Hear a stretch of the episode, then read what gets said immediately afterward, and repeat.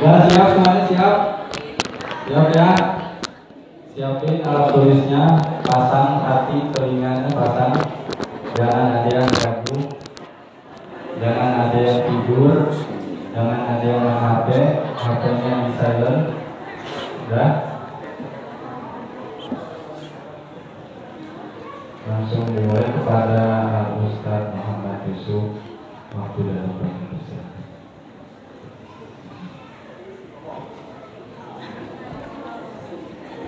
Assalamualaikum warahmatullahi wabarakatuh.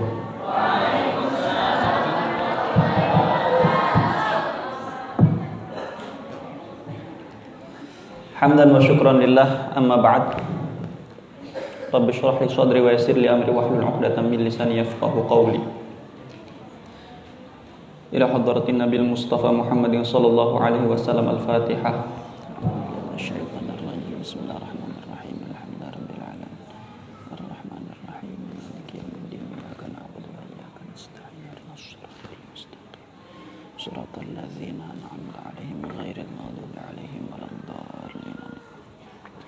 وإلى حضرة شيخنا كي هجيت bagus الصلاة طاهر وإلى حضرة شيخي سيد عبد الحليم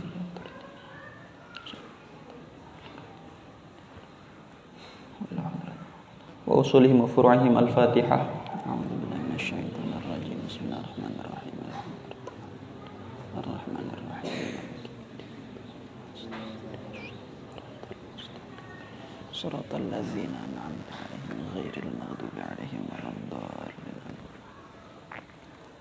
Gimana kabarnya?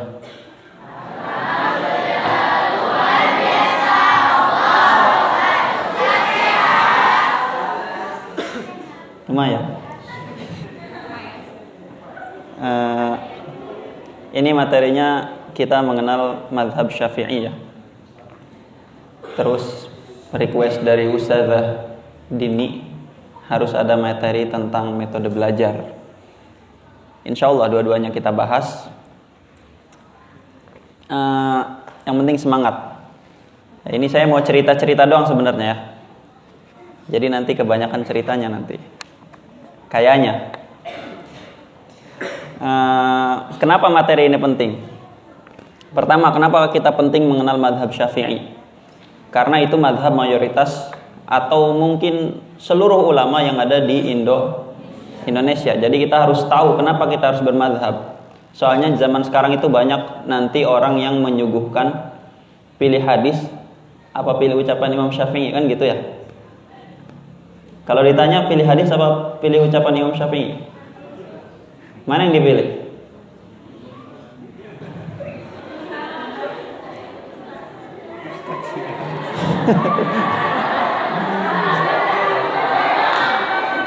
uh, pilih siapa? Pilih hadis apa pilih ucapan Imam Syafi'i?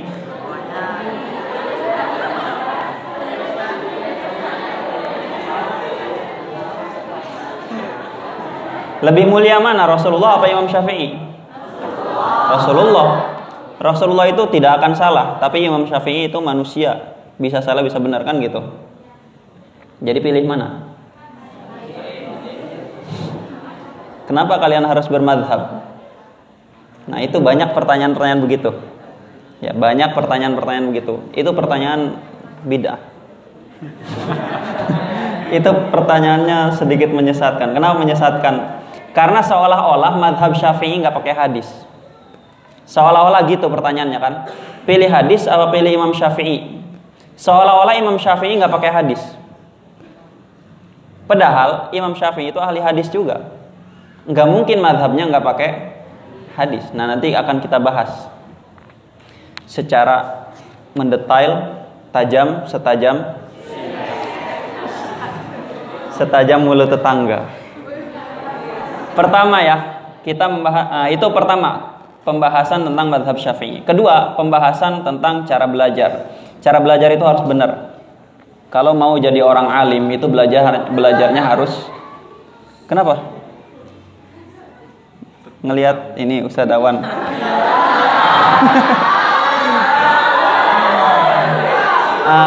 gini ya, uh, kalau kalian pengen belajarnya efektif, itu harus benar cara belajarnya. Ya jadi jangan sekedar baca kitab. Jangan sekedar belajar, jangan sekedar baca buku, harus tahu metode belajarnya seperti apa gitu ya. Pertama, bermadhab. Kita bahas tentang bermadhab. Saya berdiri aja kali ya.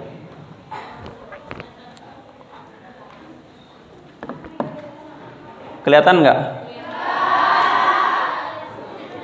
Repot nih, ini harus sedikit digeserkan. Uh, bermadhab itu bahasa Arabnya tamadhub.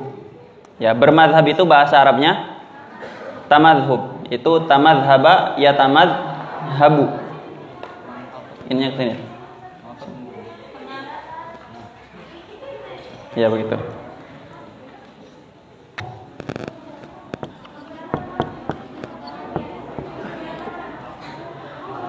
Ini bahasa Arabnya bermadhab. Ya, tamadhub. Jadi itu artinya bermadhab. Bermadhab syafi'i. Bermadhab itu ya lafad tamadhub secara bahasa artinya asyururah ila madhabin ma. Artinya asyururah ila madhabin ma. Ini nanti direkam ya. Nah, direkam kan ada videonya kan. Jadi gini, jangan sibuk nyatet. Udah ngeliatin saya aja. Jangan sibuk mencatat, tenang aja. Kalau ketinggalan catatannya, tinggal buka di videonya. Kalian konsentrasi aja dengan yang saya ucapkan. Uh, tamadhub secara bahasa artinya apa? Asyururah ila madhabin ma. Atau bahasa Indonesianya memilih madhab tertentu, mengikuti madhab tertentu. Itu secara bahasa. Secara istilah, tamadhub itu artinya mengambil atau mengikuti ulama tertentu dalam suatu permasalahan. Jadi gini ya, bedakan antara bermadhab dengan iltizam terhadap madhab. Ada tamadhub, ada iltizamu madhab. Ini beda. Kalau bermadhab, itu kita ikut ulama. Kita ikut ulama. Mau itu di semua masalah ataupun di sebagian masalah itu namanya bermadhab. Tapi iltizam madhab itu artinya di semua masalah ikut satu ulama doang. Jelas ya? Jadi kalau bermadhab, misalkan saya sholat pakai madhab syafi'i, itu sudah dikatakan bermadhab syafi'i dalam sholat. Tapi kalau iltizam madhab, itu artinya di semua masalah, mau ketika sholat, ketika zakat, ketika naik haji, semuanya pakai madhab syafi'i. Jelas ya? Jadi kalau iltizam madhab itu konsisten di satu madhab nggak pindah-pindah. Tapi kalau sekedar bermadhab nggak perlu konsisten. Yang penting di setiap perilaku mengikuti ulama tertentu. Contoh, kalau saya sholat pakai madhab syafi'i, kemudian zakatnya pakai madhab Imam Abu Hanifah, kemudian uh, apa lagi? Naik haji pakai madhabnya Imam Malik, itu sudah dikatakan bermadhab, sudah dikatakan bermadhab. Kenapa? Karena setiap ibadahnya mengikuti ulama ter tertentu. Kalau iltizam itu konsisten satu madhab aja zakat pakai madhab syafi'i, sholat pakai madhab syafi'i, uh, naik haji pakai madhab syafi'i, puasa pakai madhab syafi'i, semuanya pakai madhab syafi'i itu namanya iltizam madhab. Jelas ya bedanya ya. Apa hukum bermadhab? Hukumnya apa bermadhab itu? Atau bahasa mudahnya apa hukumnya ikut ulama? Apa hukumnya ketika kita melakukan sesuatu mengikuti pendapat ulama tertentu? Hukumnya apa? saudara-saudara yang saya hormati. Hukumnya apa? Nah, tergantung ya. Jadi manusia itu ada dua ada dua bentuk. Manusia itu ada dua ada dua golongan. Pertama namanya mujtahid mutlak. Pertama namanya mujtahid mut mutlak. Kedua namanya selain mujtahid mutlak atau orang awam. Jadi orang itu ada dua, ada yang mujtahid mutlak, ada yang orang a, awam. Kalau mujtahid mutlak itu haram hukumnya bermadhab. Jelas ya? Kalau dia mujtahid mutlak, dia haram ikut ulama lain ketika dia melakukan suatu peribadatan. Kenapa haram? Karena dia mujtahid mutlak. Mujtahid mutlak itu dia bisa menyimpulkan hukum langsung kepada Quran dan hadis. Jadi dia orang alim. Kalau orang alim itu nggak boleh mengikuti orang alim yang lain. Jadi dia harus ijtihad sendiri. Itu namanya mujtahid mut mutlak. Jelas ya? Jadi orang itu ada berapa? Dua. Satu. Dua. Orang awam. Mujtahid mutlak itu apa sih? Nah, ini ya, dipahami ya. Mujtahid mutlak itu orang yang mampu menyimpulkan hukum langsung kepada Quran dan hadis. Jelas ya? Mujtahid mutlak itu orang yang mampu menyimpulkan hukum langsung kepada Al-Quran dan hadis. Contohnya siapa? Imam Syafi'i, Imam Hanafi, Imam Malik, Imam Ham, Hambali. Uh, Imam Samudra, Mujtahid mutlak bukan? Bukan. bukan ya. Uh, gitu ya. Kapan orang itu disebut mujtahid mutlak? Kapan orang itu disebut mujtahid mutlak? Atau pertanyaan gampangnya, kapan orang itu bisa mengambil hukum langsung kepada Al-Quran dan hadis? Kapan? Ada syarat-syaratnya. Jadi nggak sembarangan orang bisa buka Al-Quran kemudian menyimpulkan hukum, nggak bisa. Ya. Nggak semua orang bisa baca hadis kemudian dia menyimpulkan hu hukum, nggak sembarang orang. Ada syarat-syaratnya kapan kita bisa menyimpulkan hukum langsung kepada Al-Quran dan hadis. Apa aja syaratnya? Banyak. Di antaranya dia harus tahu ayatul ahkam. Di antaranya juga dia harus tahu hadis-hadis hukum. Di antaranya juga dia harus tahu status hadisnya sahih atau tidak. Di antaranya juga dia harus mengetahui uh, periwayat-periwayatnya dan harus menguasai usul fikih harus menguasai bahasa Arab. Bahasa Arabnya bukan ecek-ecek. Bahasa Arabnya harus hafal alfiyah. Level atas. Ya, bukan sekedar hafal jurumiyah, baru selesai setoran misalnya ke Ustaz Awan tiba-tiba dia menyimpulkan hukum langsung kepada Quran hadis. bukan begitu ya. Jadi gini ya, saya ingin menyampaikan gini. Menyimpulkan hukum langsung ke Quran hadis itu susah. Nggak sembarangan Ya, tidak sembarangan. Uh, kalau baca fawaid makiyah di tengahnya itu, kalau baca fawaid makiyah itu ada keterangan mujtahid mutlak di zaman penulis fawaid makiyah itu sudah hilang semenjak 600 tahun. Jadi semenjak 600 tahun ketika kita fawaid makiyah dikarang itu sudah tidak ada mujtahid mutlak apalagi sekarang. Susah nggak? Susah. Jadi kebanyakan orang itu bukan mujtahid mut Kenapa? Karena susah. Harus tahu ayat-ayat hukum, harus tahu hadis-hadis yang bicara tentang hukum, harus paham usul fikih, paham bahasa Arab, dan lain-lain. Gampang nggak itu? Nggak gampang. Nah, kalau kita belum sampai tingkatan mujtahid mutlak, kita namanya orang A, orang awam, meskipun hafal alfiyah, meskipun hafal hadis, banyak hadis, atau menguasai usul fikih tapi belum menyempurnakan semua syarat-syaratnya itu belum dikatakan mujtahid mut mutlak. Ulama-ulama sekarang yang kita temui bahkan misalkan Abu Yamuh tadi itu belum sampai tingkatan mujtahid mut mutlak. Sama ulama-ulama di Mesir juga. Jelas ya. Jadi mujtahid mutlak itu sudah lama tidak ada. Kenapa? Karena su susah. Ya sudah. Kalau belum mujtahid mutlak, harus ikut mujtahid mut gitu ya. Kalau mujtahid mutlak tidak boleh ikut orang lain, dia harus ijtihad langsung ke Quran ha, hadis. Tapi kalau kayak kita nih, ya wala kehejo, orang-orang biasa itu harus ikut mujtahid mut mutlak. Jelas ya? Nah, itu. Jadi kembali saya tanya lagi, apa hukumnya bermadhab? bagi orang yang bukan mujtahid mutlak hukumnya apa? Wajib. Nah, itu hukum bermadhab. Dalilnya mana dalil? Kan itu. apa dalilnya? Bermadhab itu wajib. Banyak. Pertama dalil dari Al-Quran. Pertama dalil dari Al-Quran. Apa dalil dari Al-Quran? Allah Subhanahu wa taala berfirman, "Fas'alu ahla dzikri in kuntum la ta'lamun." Kata Allah apa? Fas'alu ahla dzikri kalian harus bertanya kepada ahlu zikri. Harus bertanya kepada orang yang pakar in kuntum la ta'lamun kalau nggak tahu. Jadi kata Quran apa? Kalau kamu nggak tahu, kalau kamu belum sampai tingkatan ijtihad mutlak, kamu harus bertanya kepada ahlu zikri, maksudnya kamu harus bertanya kepada orang yang tingkatannya sudah sampai derajat mujtahid mut, mutlak. Jadi kita nih wajib nggak bertanya ke Imam Syafi'i? Wajib. Imam Syafi'inya udah nggak ada ya sudah baca kitab-kitab fikih Syafi'i Syafi'i. Jelas ya? Dalil kedua. Dalil hadis Rasulullah.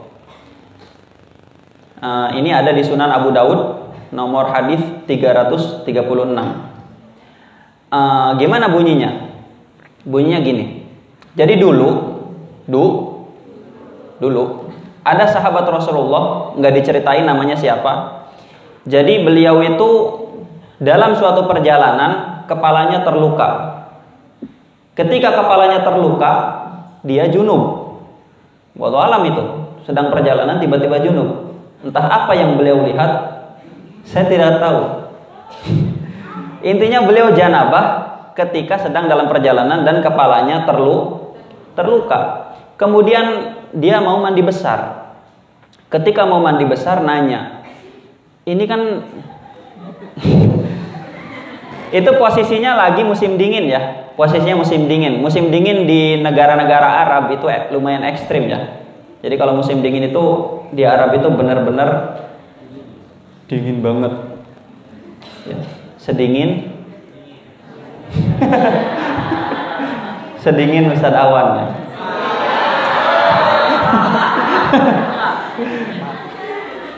gitu ya. Jadi di Arab itu dingin banget. Dingin banget banget kalau musim dingin. Nah dia kepalanya terluka, kemudian pengen mandi janabah tapi dingin banget. Kalau mandi takut lukanya tambah parah. Akhirnya dia nanya ke teman-temannya, "Hey friend,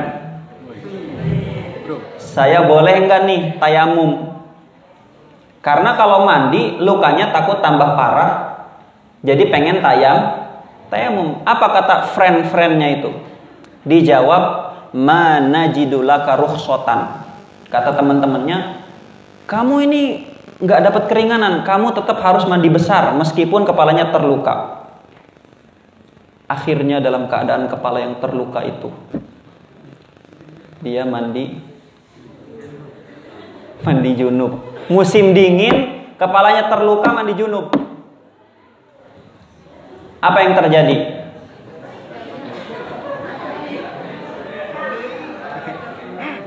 Yang terjadi dia pergi ke sisi Allah. Meninggal. Meninggal. Ya, beres perjalanan lapor ke Rasulullah. Jadi kejadian itu sampai ke telinga Rasulullah. Katanya ada orang kepalanya terluka, mau tayamum, kata teman-temannya nggak bisa tayamum harus mandi, akhirnya dia mandi sampai pergi ke sisi Allah. Apa kata Rasulullah? Qataluhu qatalahumullah. Yang membunuh orang tadi itu orang-orang yang berfatwa tadi. Jadi yang ngebunuh orang tadi itu itu yang berfatwa kepada dia suruh mandi padahal dalam keadaan kepalanya terluka. Qatalahumullah. Semoga Allah membunuh mereka kata Rasulullah. Itu ancaman doang ya, bukan ngedoain bener-bener dibunuh enggak. Itu kalau buka syarah-syarah uh, Sunan Abu Daud uh, di kitab Audul Ma'bud ya dijelaskan itu hanya ancaman apa kata Rasulullah selanjutnya? Kata Rasulullah, "Ala sa'alu idza lam ya'lam." Kenapa mereka nggak bertanya kalau nggak tahu? Jadi di hadis itu apa nilainya? Apa namanya pesannya? Pesannya kalau nggak tahu harus nanya sama yang tahu. Jadi kalau tidak bisa menyimpulkan hukum langsung ke Quran hadis, harus nanya kepada orang yang bisa menyimpulkan hukum langsung kepada Quran dan hadis. Jelas ya? Jadi wajib nggak bermadhab itu? Wajib bagi orang awam. Dalil ketiga, banyak banget dalilnya. Dalil ketiga ya dijelaskan oleh Imam uh, Ghazali di kitab Al Mustasfa. Dalilnya ijma ulama. Ijma ulama itu ulama sepakat semuanya kalau orang awam itu wajib mengikuti seorang ulama muj mujtahid. Kenapa begitu? Soalnya gini, Tadi sudah saya jelaskan, ijtihad itu susah nggak? Susah kan? Menyimpulkan hukum langsung ke Quran hadis susah nggak? Susah. Jadi orang, misalkan nih, semua orang wajib istihad. Saya wajib istihad, kalian wajib istihad. Berarti harus belajar cara ij, ijtihad. Belajar cara ijtihad susah nggak? Susah harus ngapalin hadis, harus ngapalin irobosoya. harus, harus bisa bahasa Arab kan? Iya, ngapalin irobosoya. Harus setoran memang awalnya. ya susah nggak? Susah. Nah kalau orang nih, semua orang wajib ijtihad, kalau semua orang wajib istihad, Teh Ecin nggak bakal jualan nasi. Bener nggak? Iya. Kenapa Teh Ecin nggak bakal jualan nasi? Karena dia bakal belajar terus supaya bisa ij, istihad. Ya. Nanti semua orang nggak ada yang jualan, nggak ada yang nandur, nggak ada yang nyawa, nggak ada yang jualan kopi. Kenapa? Semuanya belajar. Kenapa? Karena mendapatkan kemampuan isyad itu susah sekali. Ratusan tahun orang nggak mampu. Nggak bakal ada yang nyediain saya kue ini. Kenapa? Akhirnya semua orang sibuk belajar. Kalau semua orang sibuk belajar, hancur dunia ini. Benar nggak? Akhirnya ulama yang tadinya ulama itu misalkan sudah ada orang yang mencukupi kebutuhannya, karena orang yang mencukupinya itu belajar istihad, Akhirnya ulama nggak ada yang mencukupi. Akhirnya ulama jadi nandur. Nah, akhirnya nggak bakal ada ulama. Benar nggak? Iya, makanya kata Imam Ghazali, kalau semua orang wajib istihad ini dunia ini bisa acak-acakan. Makanya yang wajib ijtihad itu hanya sebagian oh, orang sisanya cukup tinggal na nanya. Jelas ya? Jelas nggak? Tidak ada yang lebih jelas dari ini. Yang lebih mahal, Pak. Banyak. gitu ya. Nah itu bermadhab. Itu bermadhab. Jelas ya. Kenapa wajib bermadhab? Karena kita ini orang awam. Jadi bedakan antara bermadhab dengan iltizam madhab. Apa itu iltizam madhab? Iltizam madhab itu di semua masalah ikut Imam Syafi'i itu nggak wajib. Nggak wa, nggak wajib. Yang wajib itu yang penting kita dalam semua permasalahan ikut madhab. Madhab apa saja? Mau ikut Imam Syafi'i, mangga. Mau ikut Imam Hanafi, mangga. Sholat, madhabnya Hanafi. Kemudian beres sholat, uh, misalkan beres sholat, dia tidur, kemudian mimpi basah, kemudian mau mandi besar. Ketika mandi besar, dia mandi besarnya mau pakai madhab Syafi'i, nggak apa-apa. Mandi besarnya madhab Syafi'i, sholatnya madhab Hanafi, zakatnya madhab Imam Malik, itu nggak apa-apa. Kenapa? Karena yang wajib itu yang penting bermadhab. Adapun konsisten di satu madhab itu nggak wajib. Nggak wajib. Keterangannya dapat dari mana? Ini ngarang apa enggak? Enggak, enggak ngarang ya. Keterangannya ada di kitab Raudhatul Talibin. Imam Nawawi. Nanti kita baca apa itu Raudhatul Talibin. Jadi kata Imam Nawawi tidak wajib konsisten dalam satu madhab. Enggak apa-apa kita pindah-pindah madhab itu enggak apa-apa. Kenapa? Karena semuanya ulama, betul nggak? Semuanya ulama yang sah diiku, diikuti. Semuanya mujtahid mut mutlak. Jelas ya? Jadi kita sudah belajar boleh enggak?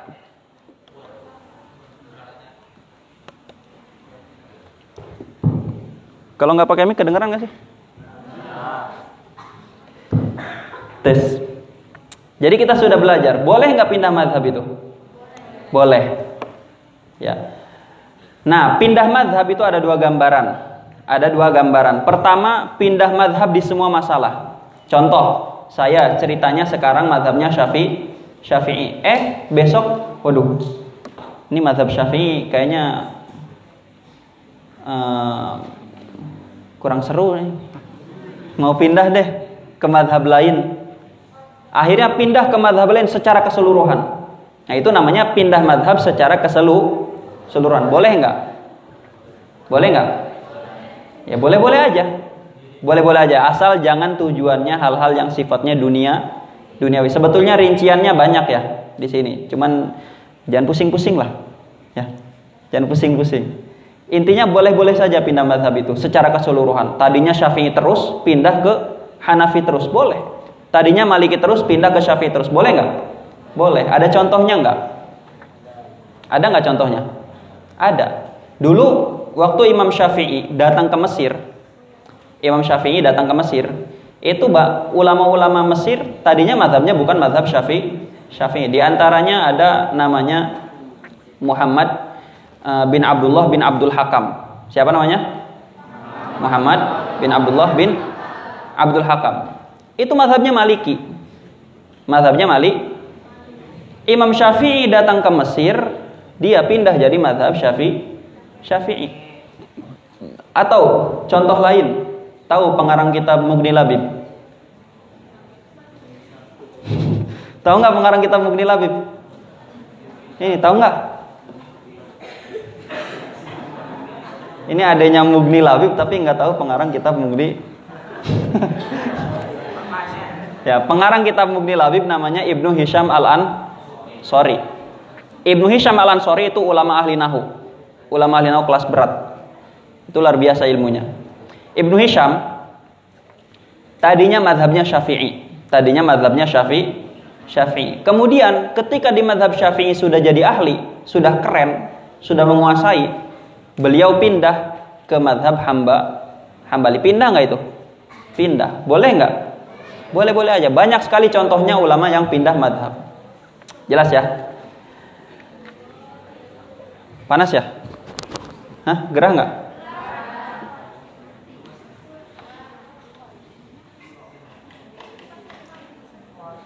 Ini bisa dinyalain ini?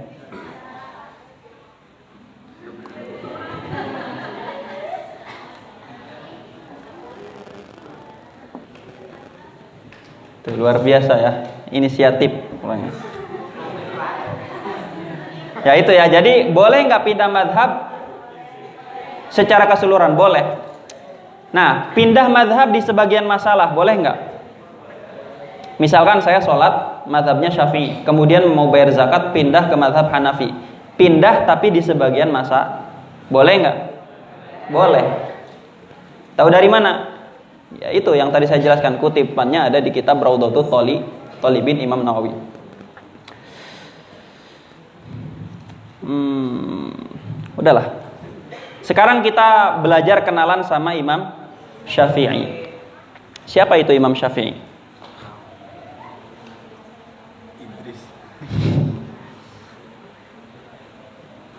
Ini Marwan.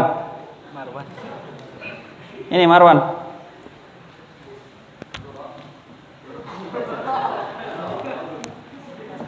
Siapa itu Imam Syafi'i?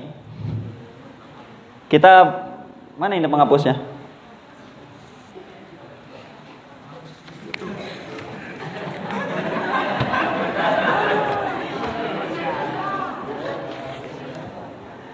Uh, kita akan belajar nasabnya Imam Syafi'i. Imam Syafi'i itu namanya Muhammad bin Idris bin Abbas bin Uthman bin Syafi' bin Saib bin Ubaid bin Abdi Yazid bin Hashim bin Muttalib bin Abdi Manaf. Jelas ya? Hafal nggak? Nanti kalau hafal saya kasih hadiah. Tapi nanti aja di akhir di akhir pembicaraan kita. Muhammad bin Idris bin Abbas bin Uthman bin Syafi' bin Sa'ib bin Ubaid bin Abdi Yazid bin Hashim bin Muthalib bin Abdi Manaf. Jelas ya? Uh, nama Rasulullah, ada yang hafal nama Rasulullah? Ini, Surti. hafal nggak nama Rasulullah? Terus sampai ke atas dong. Terus. Terus. Apal nggak nyanyiannya? Muhammad bin Abdullah. Terus. Mutalib bin Hashim bin Abdi Manaf. Udah segitu aja. Segitu dulu ya. Tenang. Muhammad bin bin Abdullah bin Abdul Muthalib bin Hashim bin Abdi Manaf gitu ya nah jadi Imam Syafi'i itu siapanya Rasulullah keponakan. Keponakannya Rasul Rasulullah. Imam Syafi'i. Itu keturunan dari Al-Muttalib. Rasulullah keturunan dari Hashim. Makanya Imam Syafi'i itu Bani Muttalib Rasulullah itu Bani ha Hashim. Jelas ya? Jadi keponakannya Rasul Rasulullah. Beliau itu ahlul bait. Itu ya. Nanti Abdul Manaf bin Qusay bin Kilab bin Murrah bin Ka'ab bin Luay bin Ghalib bin Fihr bin Malik bin Nadar bin Kinanah bin Khuzaimah bin Mudrikah bin Ilyas bin Nadar bin Nizar bin bin Ma'ad bin Adnan. Atau bin Mudar bin Nizar bin Ma'ad bin Adnan ya ketukar ya. Begitu. Nah itu hubungan Imam Syafi'i dengan Rasul Rasulullah. Ketemunya di mana? Di Abdul Manaf. Nah ini kalau diperhatiin di sini ini kan Muthalib ya? Ini ha Hashim. Anaknya Muthalib siapa? Hashim kan? Anaknya Hashim siapa di sini? Abdul Muthalib. Benar nggak?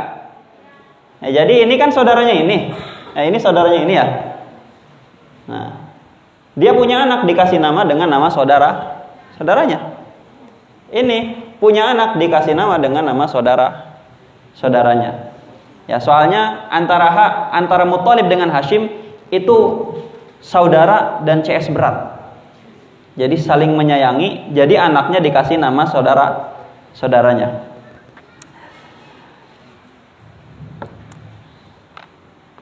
Sebenarnya cukup satu ya, tapi dibawain tiga. uh, ini udah selesai ya. Saya hapus dulu. Itu hubungan Imam Syafi'i dengan Rasulullah.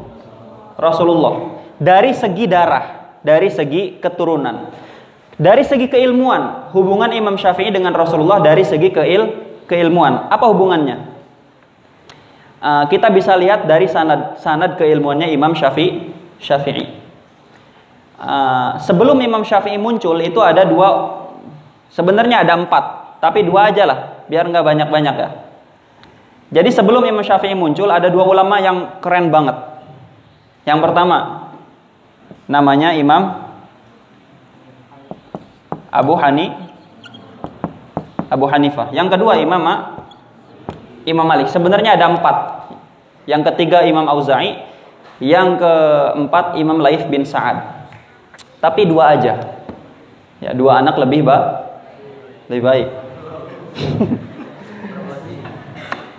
Gitu ya. Ini Imam Abu Hanifah itu pemimpin madrasatu ahli ra'i. Imam Malik pemimpin madrasatu ahli hadis. Itu penjelasannya panjang lah. Eh, nggak usah dijelasin. Kita yang singkat-singkat aja. Nah, Imam Syafi'i itu murid langsung murid langsung Imam Imam Malik. Jadi beliau murid langsung Imam Imam Malik. Imam Malik punya guru namanya Robi'atul Ro'i. Di antaranya ya sebenarnya banyak gurunya. Imam Malik punya guru namanya Robi'atul Ro'i atau Robi' bin Abdurrahman Al-Farruh. Ya. Robi'atul Ro'i punya guru namanya Sa'id bin Musayyib.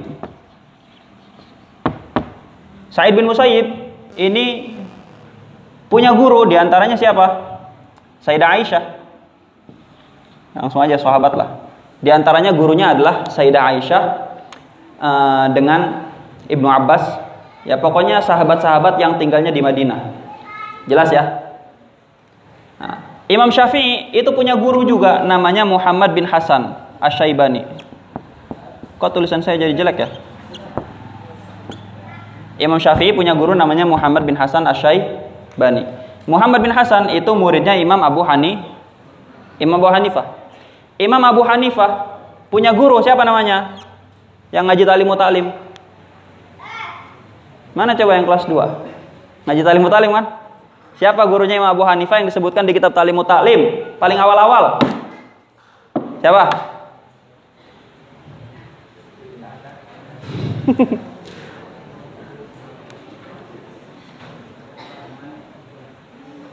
Iya itu.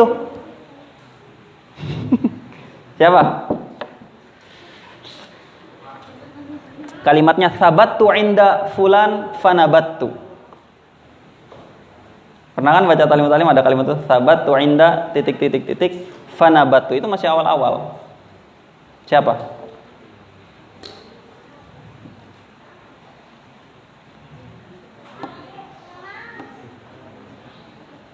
Premen nih Gati kah? Namanya Hamad bin Abi Sulaiman. Oh. Hamad bin Abi Sulai Sulaiman. Hamad ini muridnya uh, Ibrahim An-Nakhai.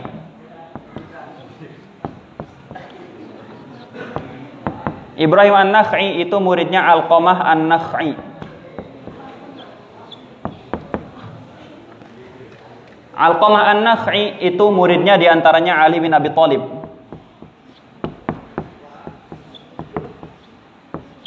Ali bin Abi Thalib muridnya siapa? Murid Rasulullah. Jelas ya? Jadi Imam Syafi'i punya guru namanya Muhammad bin Hasan Asy-Syaibani, punya guru namanya Abu Hanifah, punya guru namanya Hamad bin Abi Sulaiman, punya guru namanya Ibrahim An-Nakhai, Al-Qamah An-Nakhai, Ali bin Abi Thalib. Jadi nyambung nggak keilmuan Imam Syafi'i dengan Rasulullah? Nyambung. Ya ini hubungan Imam Syafi'i dengan Rasulullah dari segi keil keilmuan. Nanti kita baca lagi dari segi ilmu hadis. Ini dari segi ilmu fikih ya. Ini dari segi ilmu fikih. Dari segi ilmu hadis beda lagi. Ya. Hafalin kalau mau dapat hadiah. Jelas ya?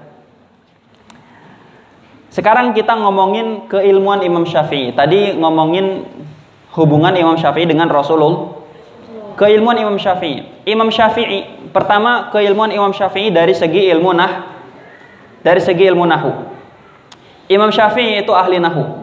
Ya, beliau itu ketika tinggal di Mekah beliau itu sering mengunjungi suku namanya Bani Huzail. Namanya Bani Huzail. Bani Huzail itu termasuk daripada lima suku yang ucapannya bisa dijadikan dalil dalam ilmu bahasa bahasa Arab. Jadi gini, enggak semua suku Arab itu ucapannya bisa jadi dalil untuk menetapkan kaidah bahasa A. Ada beberapa suku doang. Di antaranya Bani Huzail, suku Quraisy, ya Bani Tamim, Bani Asad uh, dan sebagian suku Toyi yaitu lima sukunya ya di antaranya Bani Huzail Imam Syafi'i itu dulu ngaji ke Bani Huzail menghafalkan syair Bani Huzail atau bahasa sekarangnya ngafal alfiahnya selama 10 tahun di Bani Huzail ngaji bahasa Arab. Ya, jadi gampang nggak jadi mujtahid mutlak itu? Susah. Belajar bahasa Arabnya 10 tak 10 tahun. Ini di Atohirnya baru tiga tahun. Langsung pengen menyimpulkan hukum dari hadis. Gagah nggak? Imam Syafi'i 10 tahun baru jadi musai mutlak menghafalkan syair-syair Bani Huzail menghafalkan syair-syair Bani Huzail jadi kita kalau pengen keilmuannya matang ya perbaiki bahasa Arab bahasa Arabnya hafalkan nahu sorofnya kuasai balaghahnya, mantiknya. Begitu ya? Jelas ya? Ini ada cerita unik di situ ya. Ada cerita unik. Uh, jadi ada ulama namanya Ibnul Hajib. Namanya Ibnul Ibnul Hajib. Ibnul Hajib itu punya kitab judulnya Asyafiyah. Ya, Ibnul Hajib punya kitab judulnya Asya Asyafiyah. Itu kitab dalam ilmu sorof. Ibnul Hajib di kitab Asyafiyah itu menambahkan lughatus syafi'i. Menambahkan lughatus syafi'i. Jadi gini, kalau ada masalah sorof, kemudian ada perbedaan pendapat, itu di antaranya perbedaan pendapat yang dikutip oleh Ibnu Hajib adalah pendapatnya Imam Syafi'i dalam bidang ilmu sorof. Ilmu sorof. Berarti ucapan Imam Syafi'i bisa nggak jadi dalil dalam bahasa Arab? Bisa. Dan itu diakui oleh Ibnul Ibnul Hajib. Padahal Ibnul Hajib itu madhabnya Mali, Maliki. Madhabnya Maliki. Tapi karena Imam Syafi'i ini jago bahasa Arabnya, maka dia menambahkan di kitab Syafi'ahnya menambahkan lughatus Syafi'i Syafi'i atau bahasanya Imam Syafi'i Syafi'i atau ucapannya Imam Syafi'i Syafi'i. Jadi Imam Syafi'i uh, hebat enggak keilmuan bahasa Arabnya? Hebat. Itu keterangannya ada di kitab Al-Kaukabud Durri. Yaitu kitabnya unik ya. Kitab Al-Kaukabud Durri itu ada PDF-nya. Kalau mau beli langsung, ya belinya di Mesir. Enggak tahu saya kalau di Indonesia ada apa enggak. Judulnya Al-Kaukabud Durri. Itu isinya membahas hukum-hukum fikih yang kesimpulannya itu pakai kaidah nausorob. Ya. Jadi kalau baca kitab itu nanti kalian disuguhkan kaidah nausorob yang kemudian melahirkan hukum fi hukum fikih. Mau saya kasih contoh? Mau nggak? Contohnya gini. Wow. Wow itu huruf apa di bahasa Arab? Huruf atok. Wow maknanya apa? Faidah waw apa di kitab-kitab Nahu? Hah? Apa? Limut lakil jam jam'i. Boleh nggak kalau saya bilang lil jam'il mutlak? Beda nggak antara mutlakul jam'i dengan lil jam'il mutlak? Itu nanti ada bedanya ya. Tapi nggak usah dibahas lah. Intinya waw itu apa? Limut lakil jam jami. Itu kata siapa? Itu kata ulama Basroh. Jadi kata ulama Basroh, wawu itu limut lakil jam'i, mutlak mengumpulkan, mutlak mengumpul. Kata ulama Kufah, wawu itu fungsinya tartib. Wawu fungsinya tar tartib. Jadi kalau saya bilang jaa Zaidun wa Amrun, kalau kata ulama Kufi ini tartib, berarti yang datang Zaid dulu baru A Amr. Kata ulama Basroh enggak, wawu itu hanya mengumpulkan dia tidak menunjukkan makna tartib. Tartib itu diambil dari uh, konteks lain. Wow itu hanya mengumpulkan, hanya mengumpulkan bahwa Zaid dengan Amr dua-duanya ja ja. Kata ulama kafah enggak. Kalau ja Zaidun wa Amrun itu yang datang Zaid dulu baru A baru Amr. Coba kita uji di hukum fikih. Kalau ada orang ngomong ada orang ngomong nih bukan saya ya, ada orang lain ngomong ke istrinya, misalkan dia ngomong, kalau kamu masuk rumah dan kamu ngomong sama Jaid, kata dia, maka kamu tertalak. Bahasa Arabnya indah tidar wa kallamti Zaidan fa anti. Pakai wau di situ. Itu kapan terjadi talak? Kalau ikut ulama Kufah, dia harus masuk rumah dulu, baru ngomong ke Jaid, baru tertalak. Kenapa? Karena wawunya tar tartib. Tapi kalau kata ulama Basro enggak. Yang penting dua-duanya ngumpul, ngomong sama Zaid dan masuk rumah, mau ngomong duluan ataupun masuk rumah duluan dia terta tertalak. Kata ulama Kufah enggak, harus masuk dulu baru ngomong. Jelas ya? Itu di antara contoh gimana kaidah nahu itu bisa melahirkan hukum fi fikih. Penting nggak belajar nahu? Penting. Di mana di mana bisa belajar nahu?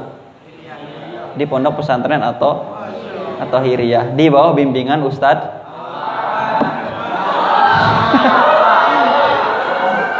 Tenang, ini derajatnya bakal selalu saya angkat. gitu ya. Itu sekelumit tentang Imam Syafi'i yang menguasai ilmu bahasa A, bahasa Arab.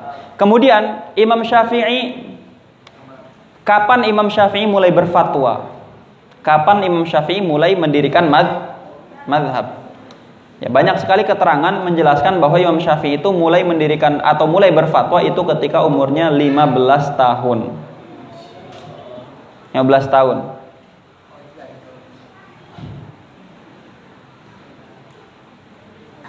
Sebenarnya ada cerita lucu di situ tapi nggak jadilah. Tahu nggak lucu? gitu ya. Itu ada ceritanya. Ketika Imam Syafi'i mulai berfatwa, ceritanya gini. Uh, ada orang nanya ke Imam Malik. Jadi ketika itu lagi pengajian Imam Malik. Ada orang nanya ke Imam Malik. Uh, Imam Malik, tadi saya ngomong ke istri saya, ngomong gini, uh, ngomongnya begini, burung ini selalu bersuara. Burung ini bukan ini ya, tapi ceritanya anggap aja di sini ada burung. anggap aja di sini ada burung. Katanya gini, tadi saya ngomong ke istri saya, saya dia yang ngomong bukan saya. Saya bersumpah dia ya, dia bersumpah demi Allah bahwa burung ini selalu bersuara. Kalau sumpah saya salah, maka is, maka istri dia tertalak. Dia ngomong gitu. Dia bersumpah demi Allah bahwa burung ini akan selalu bersuara. Kalau dia tidak bersuara, maka istri dia tertalak. Nanya ke Imam Malik, Imam Malik kira-kira talaknya jatuh apa enggak? Apa kata Imam Malik? Jatuhlah. Talaknya jatuh. Kenapa talaknya jatuh? Karena burung itu nggak bakal bersuara terus, pasti kadang-kadang di diem. Jadi talaknya jatuh nggak? Jatuh. Akhirnya dia sedih, kecewa, galau keluar dari majelis, disamperin Imam Syafi'i.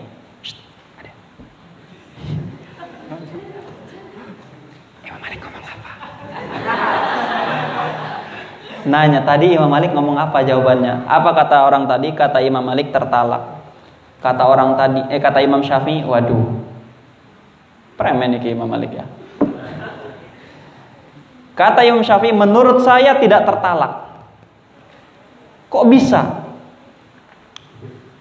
Karena gini, dulu di zaman Rasulullah ada perempuan namanya Fatimah uh, binti Abi Qais. Eh Fatimah binti Qais. Ada perempuan namanya Fatimah binti Qais. Fatimah binti Qais itu dilamar sama dua cowok langsung. Dan yang ngelamar itu keren-keren, good looking. yang ngelamar itu keren-keren ya. Yang pertama yang ngelamar namanya Muawiyah bin Abi Sufyan. Muawiyah bin Abi Suf, sahabat Rasulullah. Yang kedua namanya Abu Jahmin. Namanya Abu Jahmin. Amin. Jadi Fatimah binti Qais dilamar dua laki-laki. Pertama Muawiyah bin Abi Sufyan, yang kedua Abu Jaham. Kata Rasulullah, "Amma Abu Jahmin fala yad'ul 'asa an atiqihi. Kamu jangan nikah sama Abu Jaham. Abu Jaham itu la yad'ul 'asa an atiqihi, tidak pernah tidak pernah meletakkan tongkat dari pundaknya. Terus kata Rasulullah, kamu juga jangan nikah sama Muawiyah. Kenapa? Karena Muawiyah itu soalukun la malalahu. Dia itu nggak punya oh duitan. Akhirnya sama Rasulullah disuruh nikah sama Usama. Gitu ya. Gimana nih? Kalian kan udah dengar hadisnya tuh. Apa hubungan hadis itu sama masalah yang ditanyain? Itu ya. Kalau orangnya ahli fikih, cerdas, dia bisa nyimpulin. Tadi orang tadi ngomong apa? Dia bersumpah bahwa burung tadi itu selalu bersuara, selalu bersuara. Kalau enggak, istrinya tertalak kata Imam Syafi'i, sebenarnya kalimat burung itu selalu bersuara, maksudnya bukan burung selalu bersuara, tapi burung kebanyakan seringnya bersuara tapi kadang-kadang diam. Jelas ya? Sama seperti ucapan Rasulullah ketika ngomong amma Abu Jahmin fala yad'ul 'asa an atiqihi. Adapun Abu Jaham dia selalu meletakkan tongkat di pundaknya maksudnya bukan selalu meletakkan tongkat, tapi maksudnya dia sering mukul. Jadi seringnya tongkatnya ada di sini. Kadang-kadang ditaruh kan nggak mungkin Abu Jahal masuk WC bawa tongkat. Nggak mungkin Abu Jahal tidur bawa-bawa tongkat, bener nggak? Jadi maksud Rasulullah apa? Abu Jahal itu sering ngangkat tongkat, meskipun kadang-kadang ditaruh sama seperti ucapan tadi. Maksudnya bukan burung itu bersuara terus. tapi kebanyakan bersuaranya, kadang-kadang diem. Nah, kalau mengikuti tafsiran Imam Syafi'i, talaknya jatuh enggak? Enggak jatuh. Akhirnya ini orang yang nanya balik lagi, kok ini ini omongannya keren. Tapi kok berani-beranian ya? Ini Imam Malik tuh ulama besar waktu itu lapor ke Imam Malik. Wahai Imam Malik, ini ada orang di sini bilang nggak tertalak.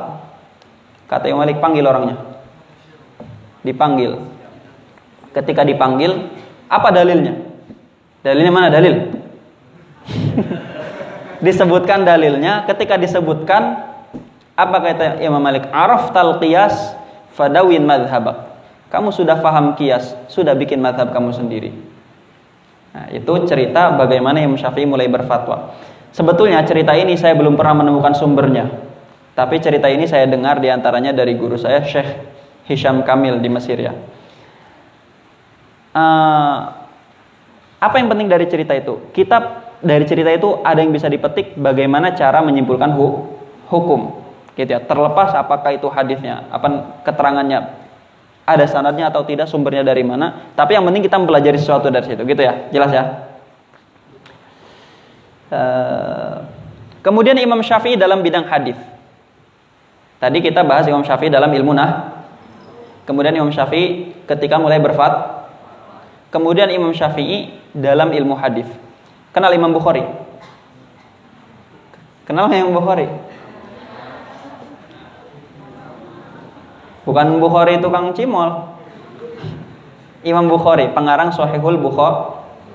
Imam Bukhari bilang gini, sanad paling soheh, sanad paling kuat, sanad paling keren, itu sanadnya Imam Malik dari Nafi' dari Ibnu Umar. Dari Rasulullah. Jadi jarak ke Rasulullah cuma berapa? Dua. Malik, Imam Malik dari Nafi' dari Ibnu Umar dari Rasulullah Kata Imam Bukhari ini sanad paling keren. Uh, murid Imam Malik paling keren siapa? Seluruh ulama hadis sepakat bahwa murid Imam Malik yang paling keren itu Imam Syafi'i. Nah, maka dari situ ada ulama namanya Abdul Qahir bin Tohir At-Tamimi. Keterangannya bisa di Tamimi ya. Abdul Qahir bin Tohir At Tamimi. Kata Abdul Qayyim bin Tahir At-Tamimi, keterangannya dijelaskan di kitab Muqaddimah Ibnu Salah. Berarti Imam Syafi'i itu sanadnya paling keren juga. Sanadnya paling paling keren. Kenapa? Karena murid Imam Syafi'i paling luar eh, murid Imam Malik yang paling hebat itu Imam Syafi'i. Jadi Imam Syafi'i dalam ilmu hadis sanadnya hebat enggak? Hebat. Nah, itu Imam Syafi'i dalam bidang hadis. Mau istirahat dulu? Hah? Masih semangat nggak ini? Saya jangan dikacangin dong. Saya malas kalau dikacangin. Gitu ya, masih semangat ya? Nah, ini udah. Ini ini karena baru ya. Jadi apa namanya? nggak kelihatan ya jadi kecil tulisannya tuh karena masih baru.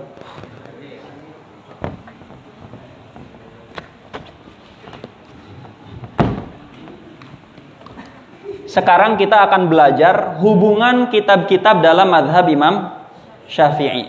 Kita bahas dari dua sisi. Pertama dari ilmu usul fikih, yang kedua dari ilmu fi fikih. Pertama usul fikih dulu. Hubungan kitab-kitab dalam madhab Syafi'i di ilmu usul fikih Nah, perlu difahami ya. Madhab Syafi'i dalam bidang usul fikih itu ikut jumhur ulama. Ikut jumhur ulama. Jadi usul fikih itu ada dua metode. Metode jumhur ulama dengan metodenya ulama Hanafiyah. Jelas ya? Metode jumhur ulama dengan metodenya ulama madhab Hanafi. Kita akan bahas metode jumhur ulama. Ada empat kitab inti yang membahas tentang Usul fikihnya jumhur ulama. Ada empat kitab itu. Yang pertama, namanya kitab Al-Umad. Tulisan Abul Husain Al-Basri. Abul Husain Al-Basri. Yang kedua, kitab Al-Mu'tamad. Ini pernah saya jelaskan di kelas 3 kalau nggak salah ya. Berarti seharusnya kelas 3 kalau saya tanya masalah ini tahu. Nanti saya tanya pengarangnya siapa. Al-Mu'tamad itu tulisan Al-Qadhi Abdul Jabbar. Kemudian Al-Burhan. Al-Burhan itu tulisannya Imam Harumain. Yang keempat, kitab Al-Mustasfa. Tulisannya Imam Ghazali. Empat kitab ini nanti diringkas oleh dua ulama. Empat kitab diringkas oleh dua ulama. Yang pertama namanya Imam Razi di kitab Al-Mahsul. Yang kedua namanya Saifuddin Al-Amidi di kitab Al-Ihkam fi Usulil Ahkam. Al-Mahsul uh, ke sini dulu. Al-Ihkam fi Usulil Ahkam nanti diringkas oleh Ibnul Hajib yang tadi saya ceritain ya oleh Ibnu Hajib di kitab namanya Muntahasul. Muntahasul diringkas lagi oleh Ibnu Hajib di kitab namanya Mukhtasarul Muntaha. Hafal ya? Al-Mahsul nanti diringkas oleh dua ulama. Yang pertama namanya Tajuddin Al-Armawi di kitab Al-Hasil. Yang kedua, namanya Sirojuddin Al-Armawi. Sirojuddin. Ada nggak Udin di sini? Di kitab judulnya At-Tahsil. Al-Hasil dengan At-Tahsil nanti diringkas oleh dua ulama. Yang pertama Imam Qarafi di kitab At-Taqrirat. Yang kedua Imam Baydawi di kitab Minhajul Wusul. Ringkas saja Al-Minhaj. Minhajul Usul nanti disyarah oleh Imam Isnawi di kitab Nihayatus Sul. Nihayatus Sul nanti dijelaskan oleh Syekh Bakhit Al-Muti'i di kitab namanya Sulamul Wusul. Ini hubungan antara kitab-kitab uh, ulama Syafi'iyah dalam bidang usul fi usul fikih. Tapi ini metode jumhur ya. Ini jumhur ulama. Jadi tiga madhab semuanya pakai ini. Keren nggak? Coba kita lihat. Ini Syafi'i, ini Syafi'i, ini Syafi'i, ini Syafi'i. Ini doang yang Maliki. Ini Syafi'i, ini Syafi'i. Semuanya rata-rata madhabnya Syafi'i. Dan tiga madhab pakai kitab-kitab ini. Ini semuanya sumbernya ke sini. Usul fikih tiga madhab. Keren gak madhab Syafi'i? Keren lah. Makanya harus bangga. Jadi orang yang bermadhab syafi'i. Kalau di Indonesia mungkin nggak kerasa kerennya ya. Tapi kalau kalian berangkat ke Mesir, di Mesir itu ketemu orang-orang madhabnya aneh-aneh. Ya, maksudnya bukan aneh-aneh, maksudnya beda-beda. ya nanti kalau ketemu orang apa orang Afrika itu, dia sambil jalan gini, sambil jalan sambil takbir, Allahu Akbar. Jadi jemaah nih, jemaah dia jalan, masih jauh udah takbir Allahu Akbar, masuk ke barisan orang Afrika. nah itu dibilang usul fikih. Ini biar kenal sama kitab-kitab madhab. Ya biarkan. Sekarang di bidang fikih. Hubungan kitab-kitab madhab syafi'i di bidang fi, fikih. Kalau di bidang fikih ada empat kitab inti yang membahas madhab syafi'i atau ada empat kitab yang merangkum ucapan-ucapan Imam Syafi'i. Syafi'i. Yang pertama, terkenal apa? Kitab Imam Syafi'i yang terkenal apa? Hah? Kitab Imam Syafi'i yang terkenal apa? Kitab fikih. Iya, Al-Um. Yang kedua Al-Hujjah. Yang ketiga Mukhtasar Al-Buaiti. Yang keempat Mukhtasarul Muzanni. Ini Al-Um dengan Al-Hujjah itu tulisannya Imam Syafi'i langsung. Kalau ini ini tulisan muridnya namanya Yusuf Al-Buaiti. Bukan Yusuf Al-Balarajai ya. Eh, Mukhtasar Buaiti itu tulisannya muridnya langsung tapi isinya ucapan Imam Syafi'i semua. Yang ini itu tulisan Imam Muzanni. Nanti empat kitab ini diringkas. Empat kitab ini diringkas oleh seorang ulama namanya Imam Haromain di kitab judulnya Nihayatul Matlab fi Dirayatil Madhab. Jelas ya? Nihayatul Matlab nanti diringkas oleh Imam Ghazali. Imam Ghazali muridnya Imam Haromain. Di kitab judulnya Al-Basit. Al-Basit diringkas lagi oleh Imam Ghazali di kitab judulnya Al Al-Wasit. Al-Wasit diringkas lagi oleh Imam Ghazali di kitab judulnya Al Al-Wajiz. Al-Wajiz diringkas lagi oleh Imam Ghazali di kitab judulnya Al Khulasah.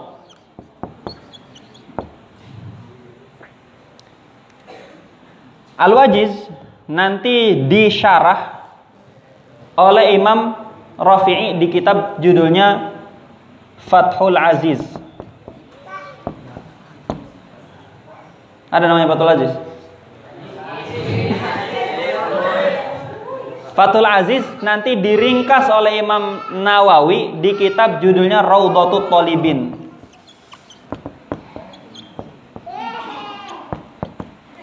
Raudhatut Talibin diringkas lagi oleh Ibnul Mukri di kitab judulnya Raudhut Talib. Raudhut Talib nanti dijelaskan oleh Syekhul Islam Zakaria Al-Ansori di kitab judulnya Asnal Matalib. Al-Wajiz masih di Al-Wajiz itu diringkas oleh Imam Rafi'i juga di kitab judulnya Al-Muharrar. Al-Muharrar nanti diringkas oleh Imam Nawawi di kitab judulnya Minhajut Talibin. Nah, nanti Minhajul Talibin ini banyak sekali nanti. Nanti Minhajul Talibin diringkas oleh Syekhul Islam Zakaria Ansori di kitab Manhajul Tulab. Kemudian disyarah oleh empat ulama. Yang pertama namanya Jalaluddin Al-Mahalli. Ditulis saja lah. Jadi Minhajul Talibin diringkas oleh Syekhul Islam di kitab namanya Manhajul Tulab.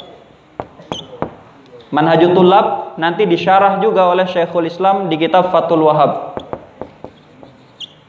Fatul Wahab dijelaskan oleh Syekh Sulaiman Jamal di kitab Hasyiatul Jamal. Nah, Minhajul Talibin ini kan tadi diringkas. Sekarang disyarah. Syarahnya yang paling terkenal ada empat.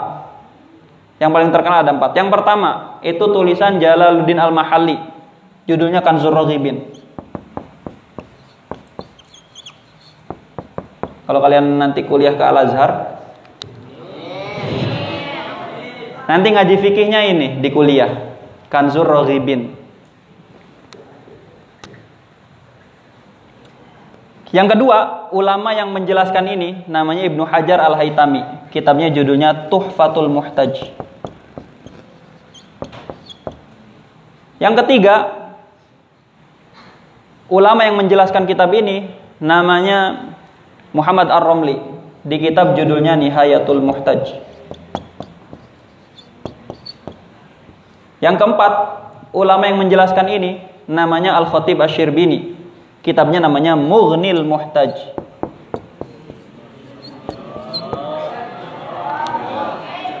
Emang ada namanya Mughni? Kenapa ini saya sebutkan semuanya? Gini, nanti kalian kalau membahas fikih itu kitabnya sekarang-sekarang itu nggak bakal keluar dari ini empat kitab ini. Dan nggak keluar dari sini Raudhatu Talibin. Dan dari Manhajut Talibin jelas. Kemudian Manhajut Tulab. Ini kitab-kitab yang sering dipakai ketika menyimpulkan hukum berdasarkan madhab syafi'i. Jelas ya hafal nggak? Hafal nggak Katanya mazhab syafi'i. Kalau mazhab syafi'i ini harus hafal, di luar kepala. di luar kepala. Ini foto ya, kayaknya nggak kelihatan di video. Kelihatan nggak? Uh, kita mau cerita tentang ulama-ulama yang ngarang kitab-kitab ini. Mau diceritain? Diceritain tidur nggak? Kita cerita-cerita ya. Dari mana mulai ceritanya? Nah, ini Imam Syafi'i yang nulis ya.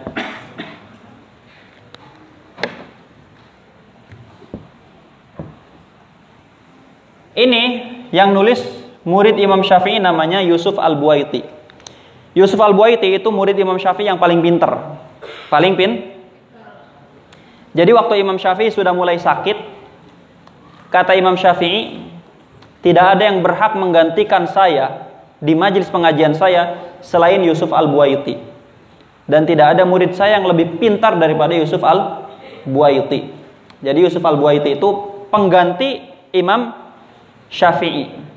Yusuf Al-Buaiti meninggalnya di mana? Meninggalnya di penjara.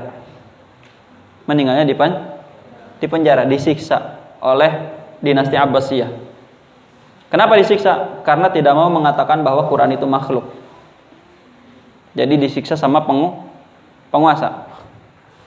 Sama rezim jalim. Sebenarnya ada pesan penting di situ ya, cuman nggak usah lah.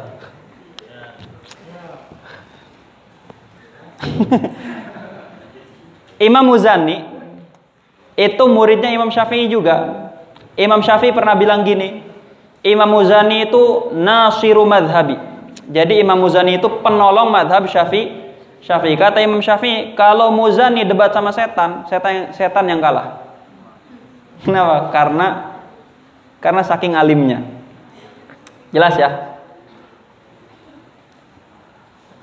Nah ini Nihayatul Matlab itu penjelasan dari ini. Nihayatul Matlab itu syarah dari Mukhtasar Muzani tapi sambil menghimpun yang tiga ini. Dari Nihayatul Matlab lahir kitab-kitab ini. Jadi wajar nggak kalau disebut penolong madhab syafi'i? Wajar nggak? Wajar. Imam Syafi'i punya murid lagi yang terkenal namanya uh, Ar-Rabi' Al-Muradi. Namanya siapa? Rabi' Al-Muradi. Ingetin itu ya. Imam Muzani, Imam Buaiti, Imam Rabi' al-Muradi. Imam Rabi' al-Muradi itu Imam Syafi'i, eh murid Imam Syafi'i yang paling lambat. Paling lam paling lola, loading. Jadi pernah Imam Syafi'i itu lagi ngajar, ini Imam Rabi al-Muradi nggak ngerti-ngerti. Akhirnya diulang sampai 40 kali. Lagi ngajar, misalkan Imam Robi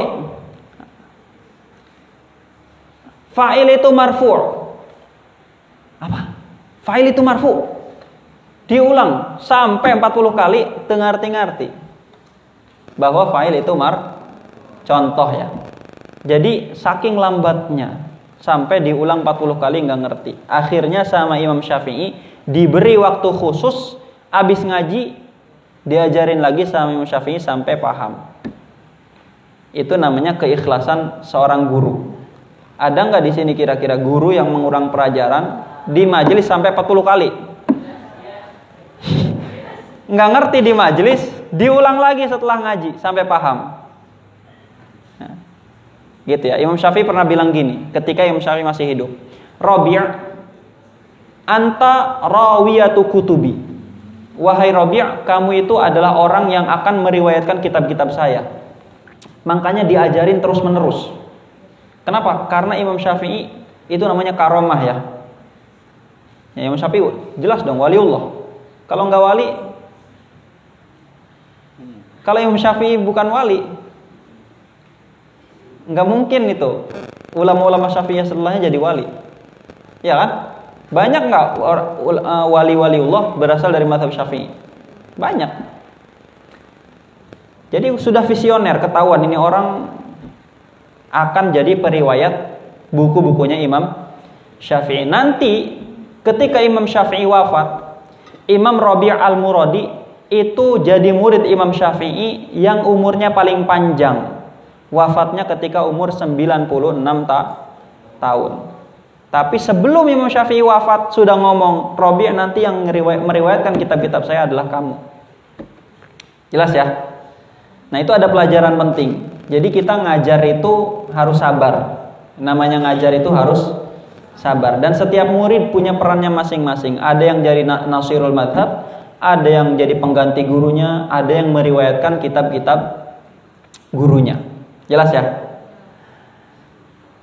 Jadi murid itu kayak biji. Jangan travel ke mana-mana yang mendengar kata biji. Biji tanaman. Tidak semua biji yang ditanam itu tumbuh. Tidak semua yang tumbuh berbuah. Tidak semua yang berbuah dipetik. Tidak semua yang dipetik dimakan. Jelas ya? Jadi nggak semua murid itu harus pinter, enggak. Yang penting kita ikhlas ngajarin. Nanti ada perannya masing-masing. Ada yang tukang pijit guru, ada yang tukang beliin rokok, ada yang gantiin ngajar. Jelas ya? Ya sama di sini. Murid-murid Abah Endang, ada yang jadi keamanan, urusannya ngegebrak.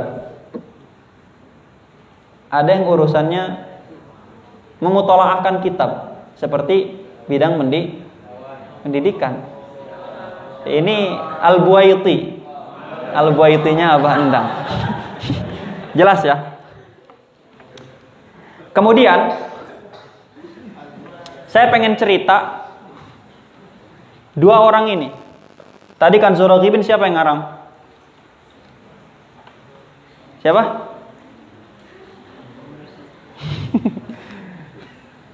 kan Zuraghibin tadi yang ngarang siapa? Saudara-saudara yang saya hormati. Imam Mahali. Luar biasa. Hanya Ustaz Awan yang men, yang fokus banget ya. Ini namanya yang ngarang Jalaluddin Al-Mahalli. Jadi pengarang kan surah itu Imam Jalaluddin Al ngaji tafsir Jalalain ya. Tafsir Jalalain siapa yang ngarang? Dua orang. Satu. Dua. Ya. Jalaluddin Al-Mahalli kalau kalian buka kitab judulnya Al-A'lam. Ada kitab judulnya Al A'lam yang nulis Imam Zarkali, bukan Zarkashi, Zarkali. Imam Zarkali ketika menjelaskan biografinya Imam Mahali menuliskan seperti ini. Apa namanya? Imam Mahali itu lam yaqdir 'alal hifzi. Imam Mahali itu nggak bisa ngafal. Setiap nggak beliau pernah ngafal satu kertas, kemudian imtala'a badanuhu hararatan jadi Imam Jalaluddin Al-Mahali itu nggak bisa ngafal. Kalau ngafal, pernah ngafal segini, satu kertas doang, itu badannya panas. Badannya panas kayak tipes. Nggak bisa nggak ngafal. Ada nggak di sini yang nggak bisa ngafal? Ada nggak? Ada nggak yang kalau ngafal badannya panas?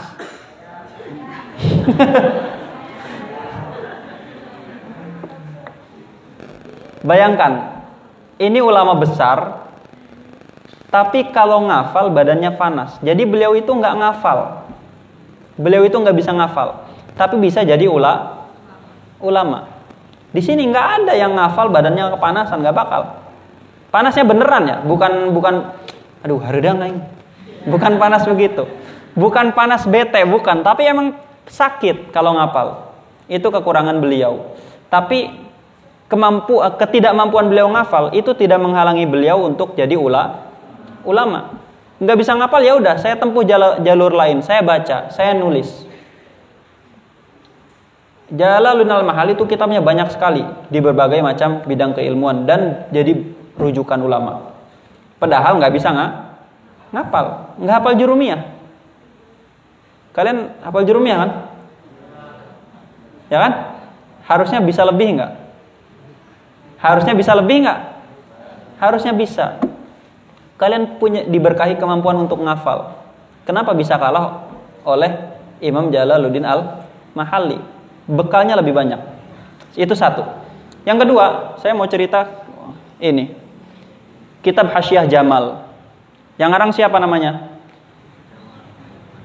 Siapa? Mang Jamal. Yang ngarang namanya Syekh Sulaiman Jamal.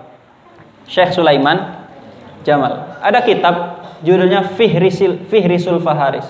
Ada kitab judulnya Fihrisul Faharis. Uh, dalam kitab Fihrisul Faharis, ketika menjelaskan siapa itu Syekh Sulaiman Jamal, penulisnya bilang begini, Syekh Sulaiman Jamal itu ayatullah al-kubra fil hifzi.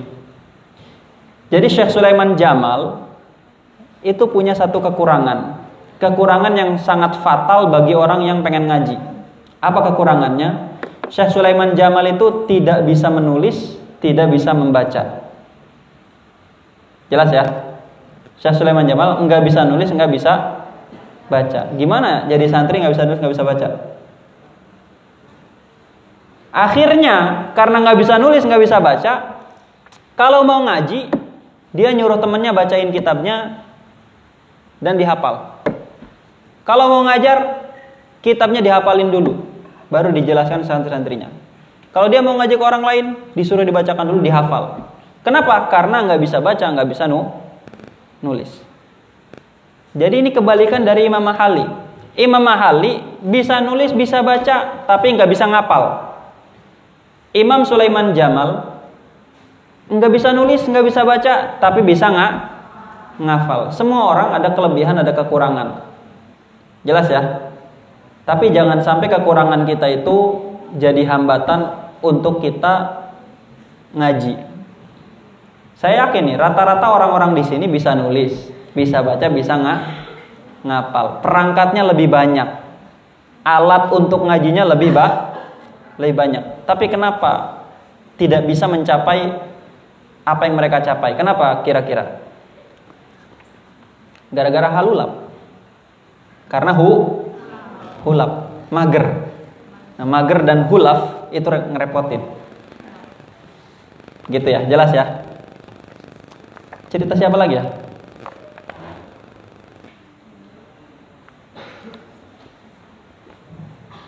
Masih mau cerita lagi? Sebenarnya banyak cerita ya. Ini Minhajul Talibin tadi siapa yang yang ngarang? Imam Nawawi.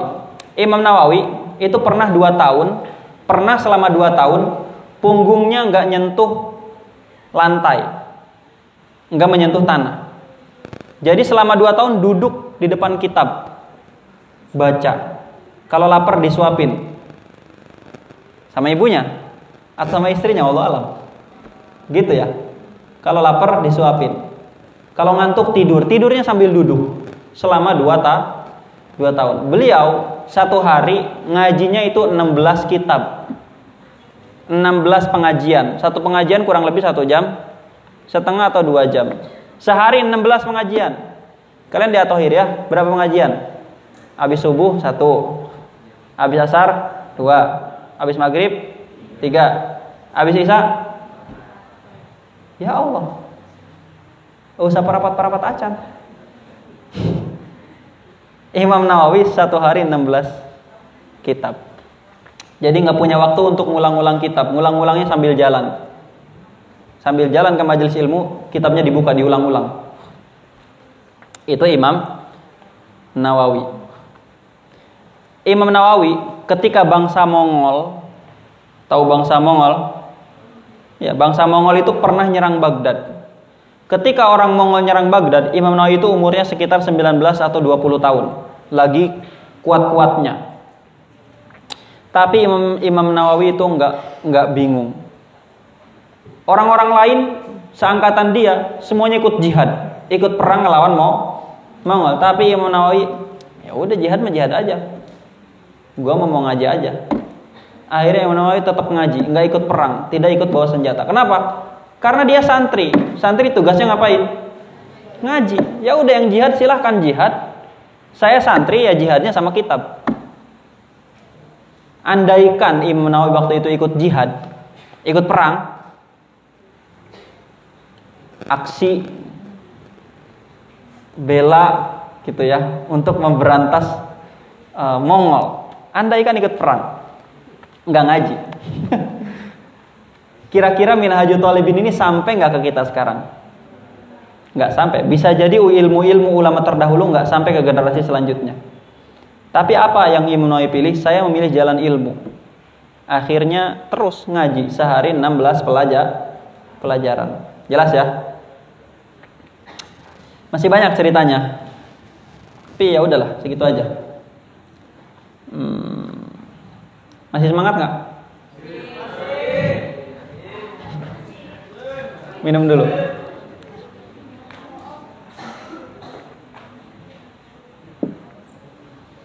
Sekarang kita membahas bagaimana sebaiknya kita belajar.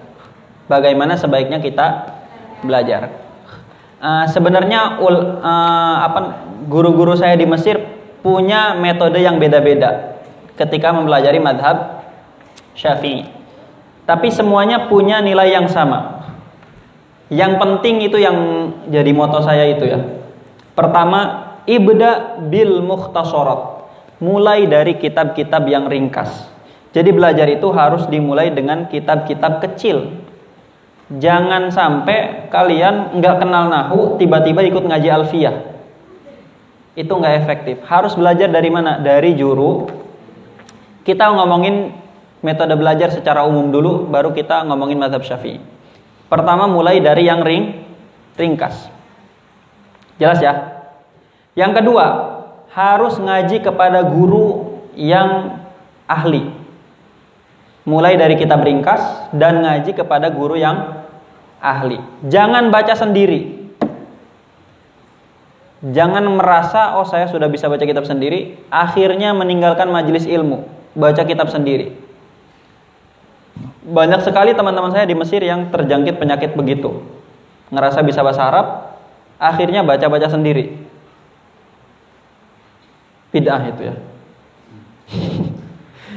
Harus ngaji ke guru. Jelas ya?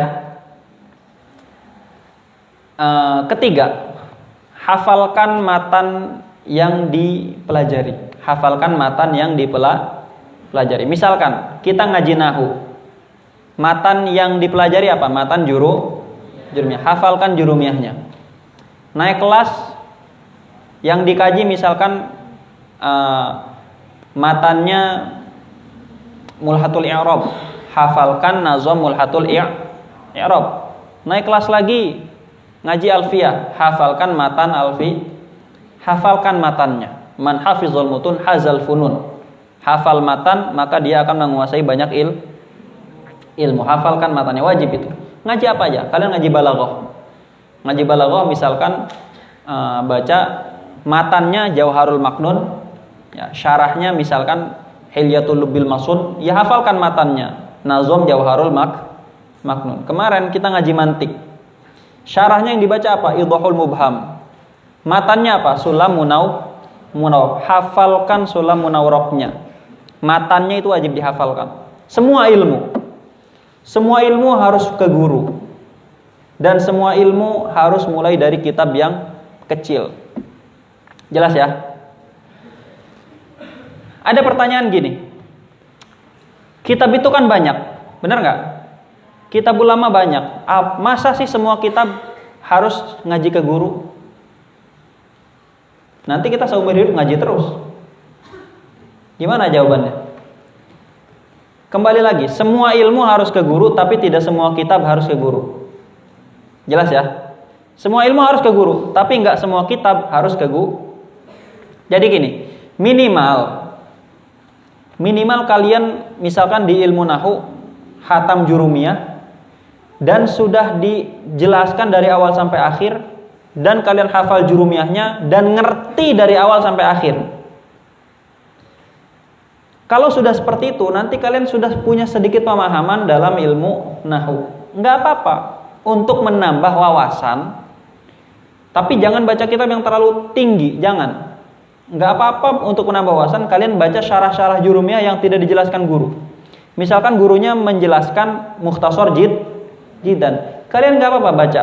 Misalkan Hasyiah Ashmawi. Misalkan syarah Makudi. Misalkan Tuhfatus Saniyah. Misalkan syarah Khalid Al-Azhari.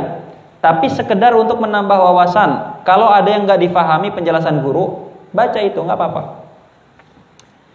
Tapi tetap semua ilmu harus ke guru. Kalian menaik sampai tingkat misalkan kalau sudah hatam alfiyah, alfiyahnya sudah hatam, sudah dijelaskan dari awal sampai akhir, sudah hafal, sudah baca Ibnu Aqil. Nanti ada waktunya kewajiban belajar ke guru itu selesai. Kalau di Indonesia anggaplah sudah hatam alfiyah dan sudah hafal dan sudah disyarah dari awal sampai akhir dan faham. Itu kalian sudah selesai kewajiban belajar ilmu nahu ke guru ke guru. Boleh ketika itu baca kitab apa pun tanpa guru. Yang penting tadinya dari dasar sampai kitab tertinggi, ikut ngaji sama guru yang ahli. Jelas ya? Apalagi? Hmm, sebenarnya itu ya, sudah selesai ya. Nah, kalau bicara madhab syafi'i, uh, saya di Mesir, di antara masyayikh yang saya mulazamahi, itu Said Abdullah Al-Jufri. Said Abdullah Al-Jufri ya. Said Abdullah itu metode beliau kalau ngaji fikih Syafi'i mulai dari kitab Safinatun Najah. Syarahnya pakai kitab Nailur Roja. Setelah Safinah naik ke Mukhtasar Latif. Ya, syarahnya pakai kitab Al-Bayan wa Ta'rif. Setelah Mukhtasar Latif naik kitab selanjutnya namanya Muqaddimah Hadromiyah. Syarahnya pakai syarah Bushrol Karim. Setelah itu naik lagi baru ke matan takrib. Oh, di sini kan langsung matan takrib ya? Wah, lebih tinggi dari saya tingkatannya. Tapi nggak apa-apa, semua ulama punya metode. Yang penting mulai dari yang uh, ringkas. Matan takrib itu masih ringkas ya. Setelah matan takrib, yakut nafis. Setelah yakut nafis, umdatus salik. Setelah umdatus salik, ngaji kitab judulnya Minhajut Talibin. Kalau Minhajul Talibin sudah selesai dari awal sampai akhir tadi urutannya itu kalian ngaji ke guru yang ahli dan selesai di Minhajul Talibin sudah disyarah dari awal sampai akhir. Syukur-syukur kalau hafal maka kewajiban kalian ngaji fikih syafi'i di hadapan seorang guru yang ahli itu sudah selesai. Jadi sudah boleh membaca kitab-kitab fikih syafi'i yang lain secara mandiri. Tapi tetap meskipun demikian lebih afdol ngaji sama guru. Tetap ya, meskipun sudah selesai ngaji minhaj lebih afdol kalau ngaji dengan guru yang ah ahli. Kayaknya udah sih, segitu aja lah. Hah? Jelas ya? Jadi itu metode-metode belajar. Uh, ada hal penting lagi ya. Kalian setiap selesai ngaji ke guru, itu dibaca dari awal sampai akhir. Kalau selesai ngaji sama guru, misalkan sudah hatam jurumiyah, baca penjelasan guru tentang jurumiyah dari awal sampai akhir minimal sekali, minimal seka, sekali. Semakin sering dibaca, semakin afdol. Karena kitab itu semakin sering dibaca, itu akan semakin mendatangkan ilmu baru.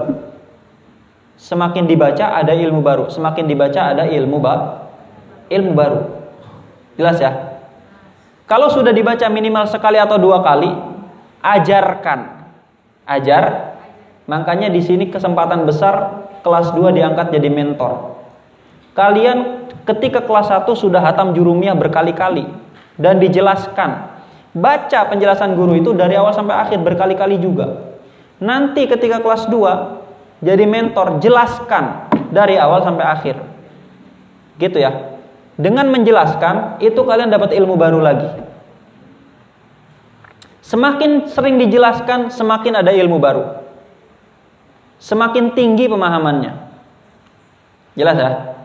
Syukur-syukur kalau mampu selain diajarkan, kalian juga uh, merangkum ulang penjelasan guru untuk dibuat karya tulis baru.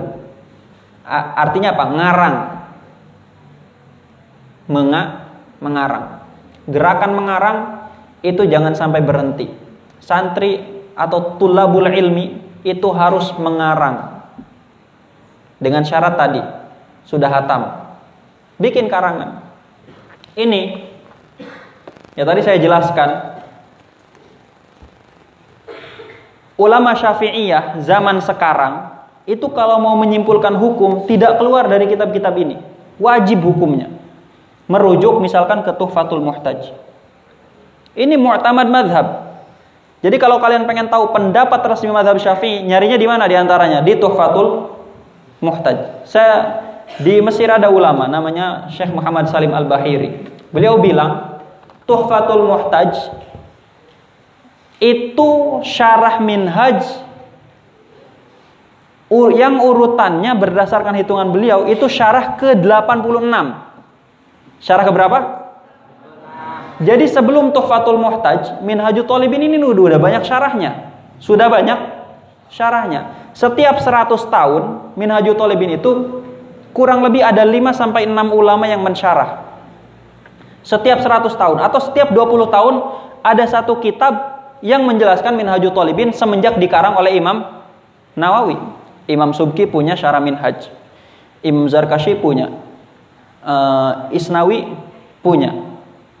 Banyak sekali, hampir setiap 100 tahun ada 5 sampai 6 syarah min minhaj. Karangan Ibnu Hajar urutannya ke berapa? 86. Maksudnya apa? Maksudnya meskipun sekarang syarah jurumiyah sudah banyak, jangan menghala, jangan jadikan halangan untuk kalian tidak membuat syarah baru terhadap jurumiyah. Meskipun ada orang ngomong, lu masih ngutrek-ngutrek jurumiyah aja, sekarang zamannya udah beda. Bikin dong karangan yang baru yang belum ada. Nggak usah didengerin. Ya. Kalau kalian selesai ngaji, buat karangan. Buat karangan, tapi jangan salah-salah ya. Jangan salah-salah, yang benar ngarangnya, yang teliti. Gitu ya. Tapi coba Tufatul Mutaj syarah ke-86 Padahal sebelumnya sudah banyak yang mensyarah. Pasti banyak itu yang bilang sama Ibnu Hajar, ngapain sih kamu mensyarah minhaj kan udah banyak syarahnya, ngapain dikarang lagi? Tapi itu bukan alasannya. Terus dikarang. Ujung-ujungnya sekarang yang jadi patokan resmi itu Tuhfatul Muhtaj, padahal dikarangnya paling a akhir. Jelas ya? Ya udah, mungkin uh, cukup sekian ya. Sebenarnya banyak banget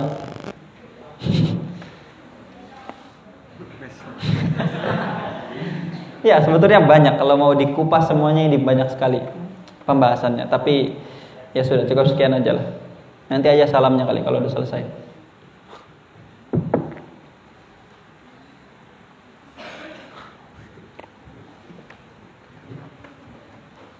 Alhamdulillahirabbil Yang tidur bangun bangun. Yang tidur bangun.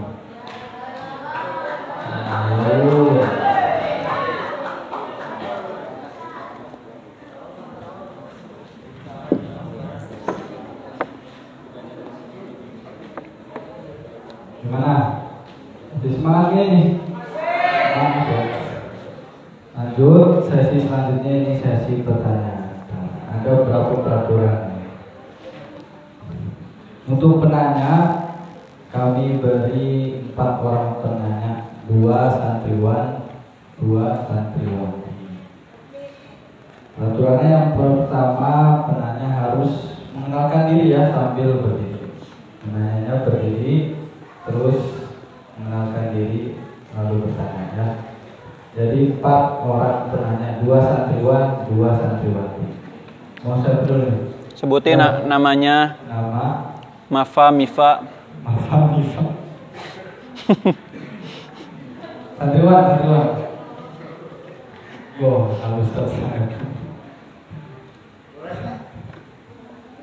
Ini. ya.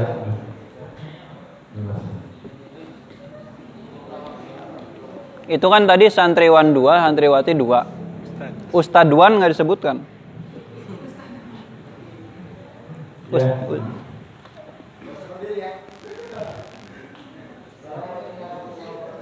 Waalaikumsalam.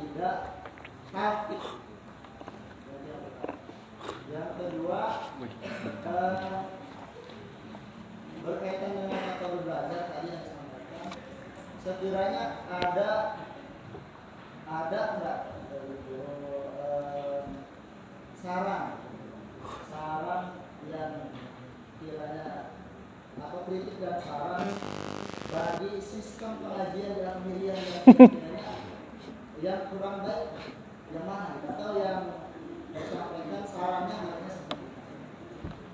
Saja dari saya terima kasih. Santriwan satu lagi.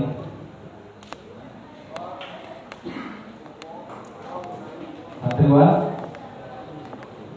Waduh. Kalau nggak pakai mic kedengeran padahal ya. Kedengeran kan? Ayo santriwan satu ada ini. Santriwan ada yang?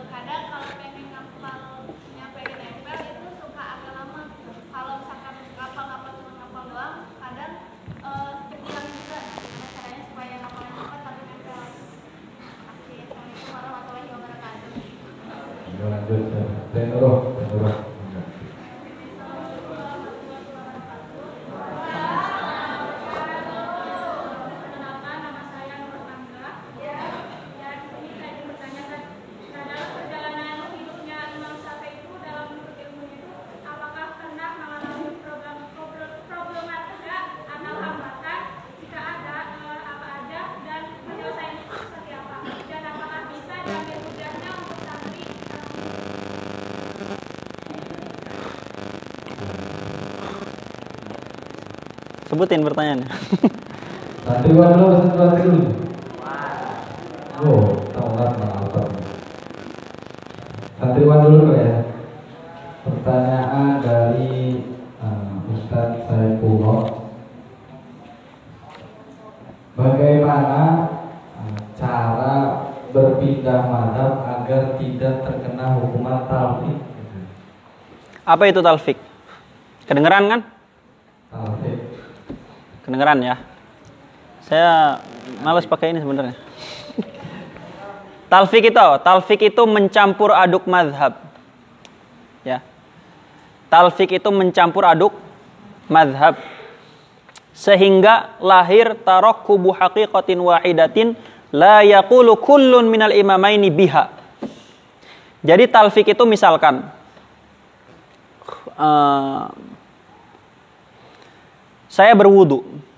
Setelah wudu, saya berbekam. Berbekam dalam madhab Abu Hanifah itu membatalkan wu, wudu. Kenapa membatalkan wudu? Karena kata Imam Abu Hanifah,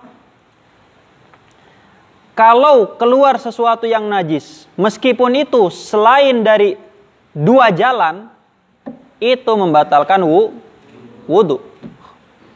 Kalau dibekam keluar darah nggak? Darah najis nggak? Najis. Membatalkan wudhu. Setelah dibekam, saya menyentuh kemaluan. Atau menyentuh perempuan lah. menyentuh perempuan. Menyentuh istri. Karena istri saya perempuan, bukan laki-laki. Menyentuh perempuan dalam madhab syafi'i batal nggak? Batal. Saya wudhu, setelah wudhu saya dibekam. Ketika saya bekam, ah wudhu saya nggak batal. Kenapa? Karena kata Imam Syafi'i, dibekam itu tidak membatalkan wu- wudhu. Kemudian saya nyentuh istri saya. Ketika nyentuh saya, hmm, ketika menyentuh istri saya, saya bilang ah wudhu saya nggak batal. Kenapa? Karena dalam madhab Abu Hanifah menyentuh perempuan tidak membatalkan wudhu, meskipun pakai nafsu nyentuhnya, selama tidak jima. Jelas ya? Itu namanya talfik. Kenapa? Karena mencampur aduk madhab. Talfik itu dilarang. Ingat ya, talfik itu dilarang kalau terjadi di satu masalah. Kalau terjadi di satu, tadi contoh yang saya sebutkan. Menyentuh perempuan, itu masuknya masalah apa? Masuknya masalah membatalkan wudhu atau toharotul hadas. Kemudian dibekam, masuknya masalah apa? Sama toharotul hadas. Satu masalah bukan?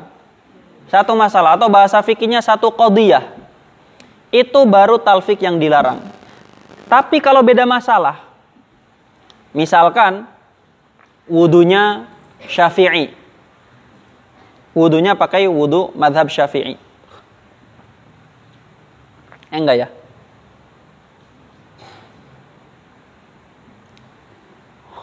Ya, misalnya wudhunya wudhu syafi'i. Kemudian ketika sholat, sholatnya sholat madhab Imam Abu Hanifah. Beda masalah enggak? Beda. Yang satu masalahnya apa? Masalah sholat. Yang satu masalah wudhu. Itu tidak masalah.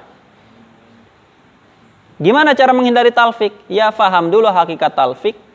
Dan lihat di situ apakah satu masalah atau dia masalah yang berbeda. Jelas ya? Atau wudhunya syafi'i.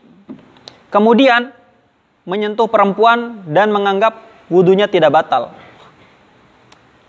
Uh, mengikuti Imam Abu Hanifah. Batal nggak wudhunya? Wudhunya Syafi'i. Ketika nawakidul wudhunya pakai nawakidul wudhu Imam Abu Hanifah. Batal nggak?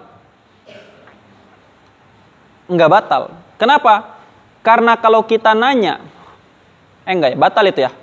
Batal, itu batal. Karena satu masalah, apa masalahnya? Toharatul hadat. Intinya gitu, lihat apakah dia satu kodiyah atau beda kodiyah. Jelas ya? Gambaran lain. Wudhu pakai wudhu syafi'i. Kemudian dia menyentuh anjing.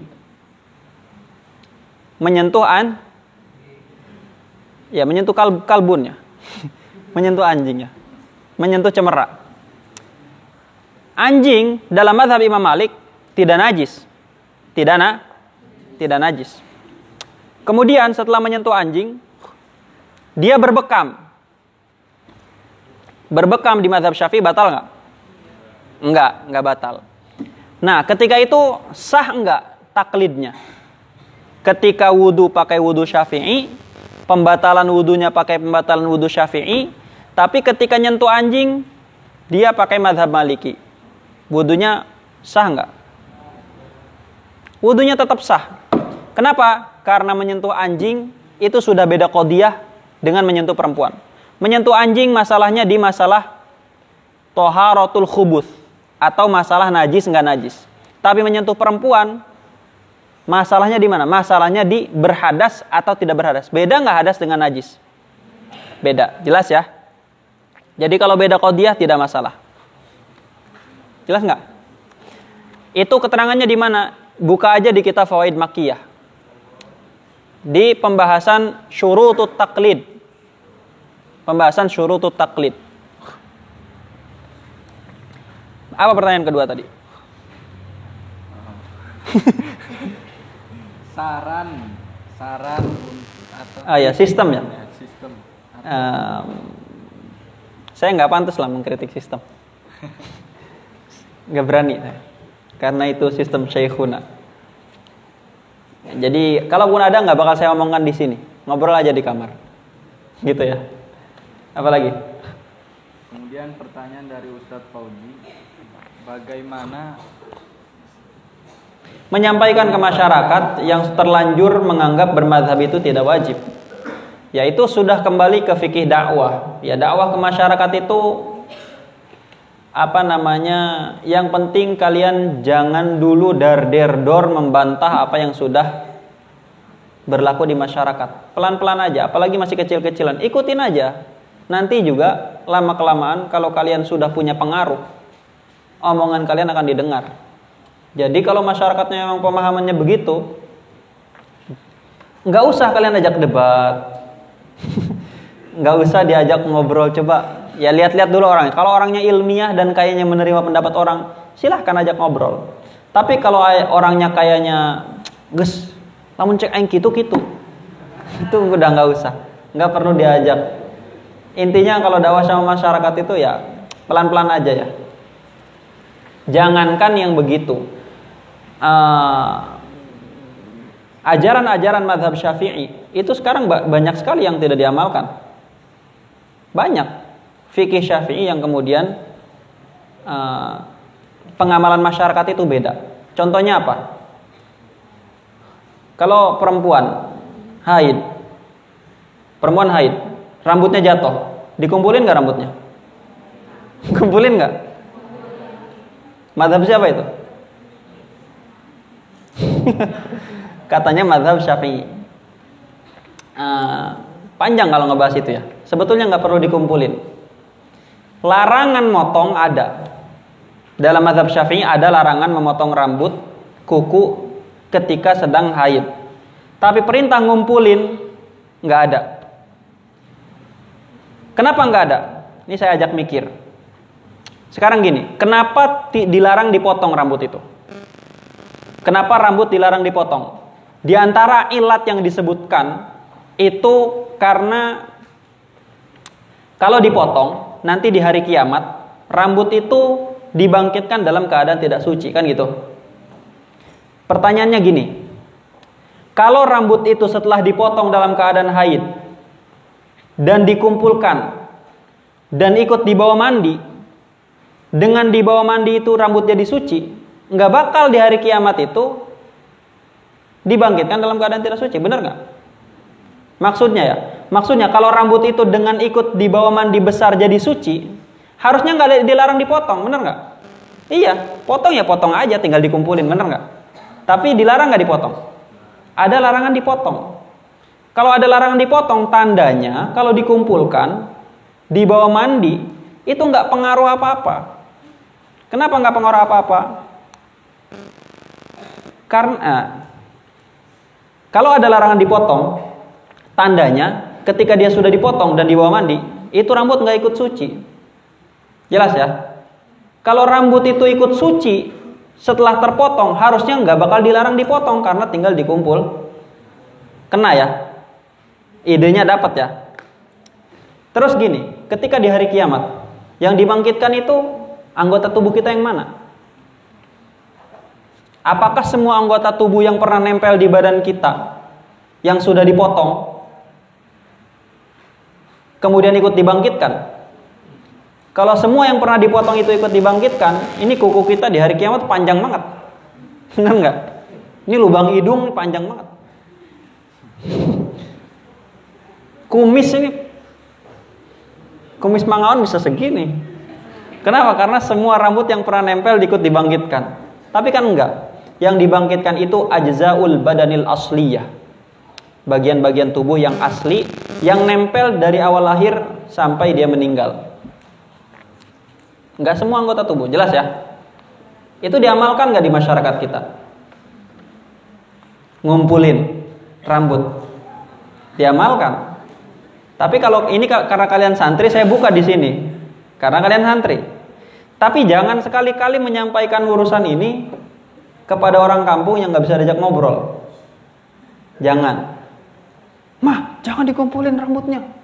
Gak ada itu dalam mazhab syafi'i. Gak bisa gitu ya. Kalian ngaji aja serius, nanti jadi ustadz di lembur, ngajar majelis taklim, sudah disepuhkan, omongannya didengar baru sampaikan. Kalau baru lulus di Atohiriyah, terus suruh ngiji majlis salim, tiba-tiba tidak ada dalilnya ngumpulin rambut. Repot nanti kalian nggak bakal dikasih berkat lagi kalau ngariung. Gitu ya. Terus apa lagi? Pertanyaan dari Teh Indah. Hafal dulu atau paham dulu? Kalau saya paham dulu baru ngapal. Kalau saya paham dulu baru ngapal. Supaya ketika ngapal itu saya paham, cepat. Jelas ya. Terus apa lagi? Kemudian ah, bagaimana cara cepat menghafal dan cepat dan tidak pernah dan tidak Gimana caranya cepat dan awet? awet.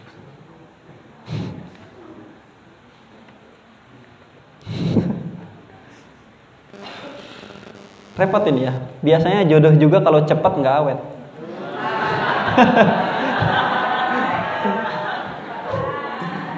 Tapi berproses. Gimana berprosesnya? Tahajudnya, istiqorohnya, minta dikasih jodoh yang baik. Kan gitu. Eh, saya dari dulu, saya nggak pernah pengen ngapal cepet. Nggak penting buat saya ngapal cepet. Yang penting itu awet. Jelas ya? Nggak penting hati-hati kalian ya. Kalian pengen cepat, itu ada nafsu di situ. Ada naf nafsu. Emang ngapain cepat-cepat mau ke mana? Hati-hati ya. Itu eh, ada guru di sini yang saya dengar. Itu beliau sanggup menghafal Al-Quran dua bulan atau empat bulan ya? Empat bulan ya di Abu Yadimyati. Apa kata Abu Yadimyati? Eh, dilarang sama Abu Yadimyati. Jangan empat bulan. Akhirnya dua tahun. Kenapa? Padahal mampu itu ngapal Quran 4 bulan. Kenapa? Karena hati-hati takut ada nafsunya. Jadi jangan pengen cepat, yang penting kuat hafalan itu. Nah, gimana biar kuat? Itu udah sering saya jelasin ya. Gimana ngapal itu biar kuat? Metode menghafalnya gimana? Sudah sering dijelaskan ya. Jadi intinya apa? Intinya jangan cepat, jangan main cepat. Yang penting apa? Yang penting setiap hari waktu kalian dihabiskan dengan ilmu. Jadi itu ide menghafal, ide belajar itu bukan biar cepat, tapi biar sehari-hari kita tuh bersama ilmu. Yang penting itu setiap hari ngulang-ngulang ilmu, ngulang-ngulang ilmu. Meskipun satu kaca jurumnya diulang-ulang setiap hari, itu lebih afdol. Kenapa lebih afdol? Karena tandanya waktu kita seharian bersama dengan jurumi, jurumnya. Apalagi? Eh, pertanyaan dari Teh Nuroh.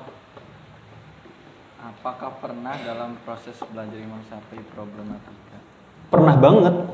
Terus bagaimana? Imam Syafi'i itu nggak punya bapak. Gimana lahirnya nggak punya bapak?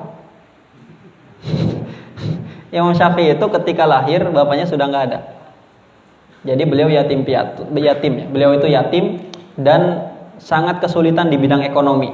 Kalau baca sejarah kehidupan Imam Syafi'i di masa kecil, Imam Syafi'i itu ngaji sama ulama namanya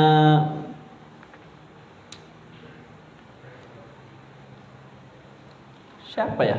Antara Muslim Al-Qostantini atau Yusuf Al-Qostantini, saya lupa. Antara Yusuf atau Muslim namanya. Nisbatnya Al-Qostantini. Beliau itu kalau itu ngaji Qur'annya ke, ke, ke Yusuf Al-Qostantini tadi ya, ngaji Qur'annya. Itu kalau ngedengar cerita Imam Syafi'i umur 5 tahun ya, sudah hafal Quran, itu ngafalnya ke Yusuf Al-Qostantini. Yusuf aja, sebenarnya saya nggak ingat antara Yusuf dengan Muslim, tapi Yusuf aja. gitu ya. Kalau santri-santri lain setiap selesai ngaji itu ngasih uang ke gurunya atau ngasih roti atau ngasih apa aja lah yang berguna. Imam Syafi'i ini nggak bisa, nggak punya duit. Akhirnya beliau karena nggak bisa ngasih, Imam Syafi'i itu setiap sebelum gurunya masuk dia mendiktekan pelajaran sebelumnya ke santri-santri yang ada. Dan setelah gurunya keluar, dia mendiktekan ulang yang dipelajari dari gurunya karena hafalannya cepat. Jadi sebagai pengganti beliau nggak bayar, akhirnya beliau menggantikan gurunya untuk mengulangkan pelajaran. Dan Imam Syafi'i karena nggak punya uang, beliau itu mencatat mencatat, mencatat apa namanya pelajaran-pelajaran dari gurunya di daun-daun, di daun-daun pelepah kurma diambil, dicatat. Kenapa? Karena nggak punya duit buat beli kertas. Itu perjuangannya begitu. dikumpulkan di kendi. Seperti itu ya. Jadi Imam Syafi'i itu sangat kesulitan ekonominya ketika masih awal-awal ngaji. Pelajarannya yang bisa dipetik ya tentu banyak sekali. Jangan sampai uh, hambatan ekonomi itu meng menghalangi untuk ngaji. Ya banyak sekali ulama Syafi'iyah. Misalkan Syekhul Islam Zakaria Al-Ansori itu tidurnya di Masjid Al-Azhar. Di Masjid Al-Azhar. Dan beliau miskin sekali, nggak punya duit. Kalau lapar itu nyari kulit-kulit semangka yang dibuang orang. Kulit semangka. Jadi kalau lapar itu yang dimakan. Itu Syekhul Islam Zakaria Alan. Sorry, makannya apa? Kulit semangka. Gitu ya. Udah.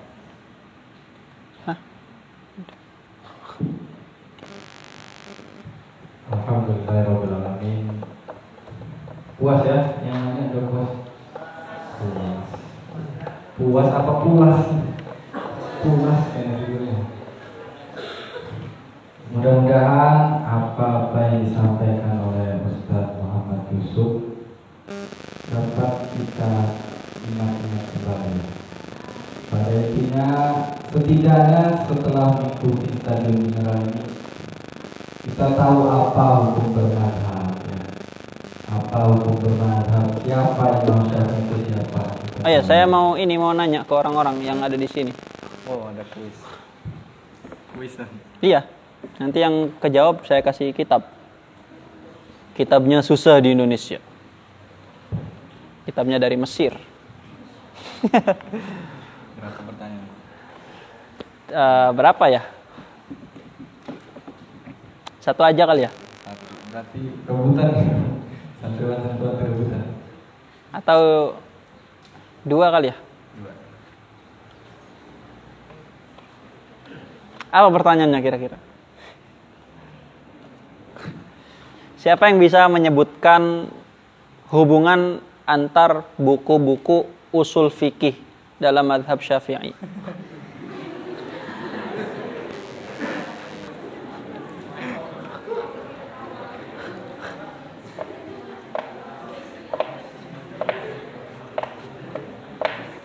Hubungan antar buku-buku usul fikih dalam madhab syafi'i.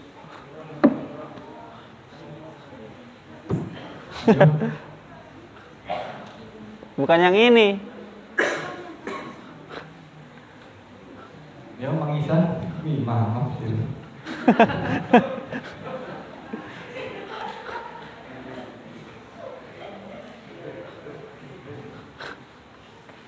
Siapa yang bisa menyebutkan nasab Imam Syafi'i?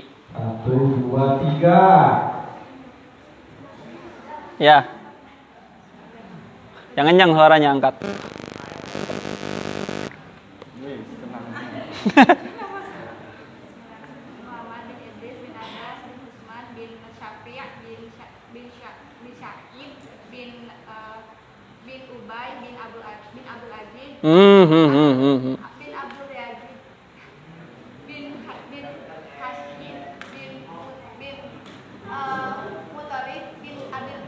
Abdul Manaf Benar. Bisa diterusin nggak sampai Adnan? Hah? Bin Abi Manaf bin Kusai bin Kilab sampai Adnan. Nggak hafal. Iya, oke, betul. Nanti saya kasih hadiahnya.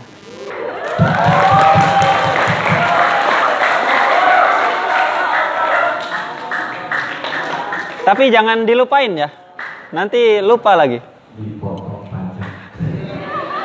Harus ingat terus itu nasab lengkap Imam Syafi'i.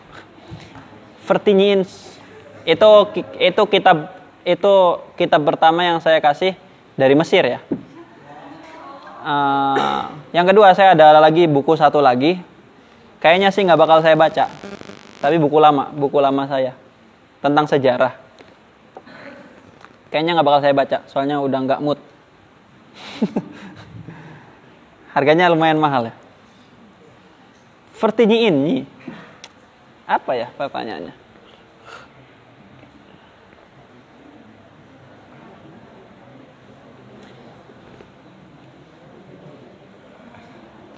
Siapa pengarang kitab Siapa pengarang kitab Fathul Wahhab? Siapa pengarang kitab Fathul Wahhab? Yo,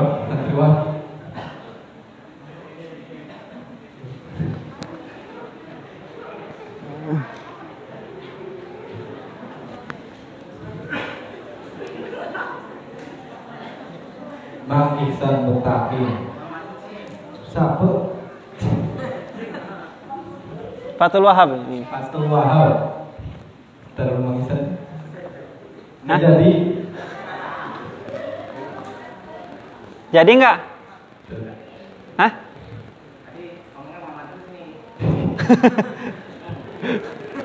Siapa? Tahu dari mana itu?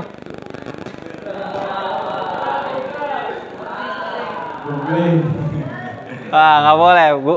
Jujur dari mana taunya?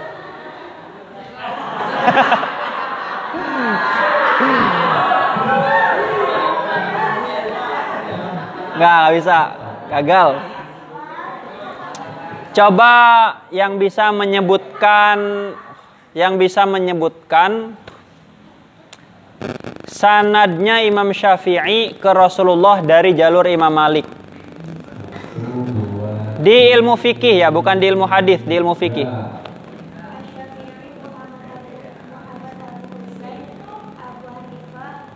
Enggak, itu dari jalur Abu Hanifah, dari jalur Imam Malik. Abu Syafi'i, eh, Malik, Malik terus Rabi'atul Ra'i, terus Husain sama Hatim. Enggak.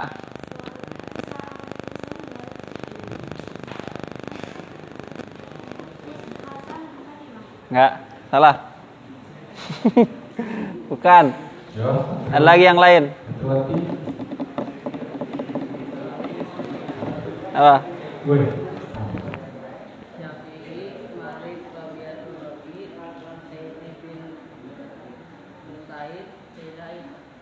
Ya, betul.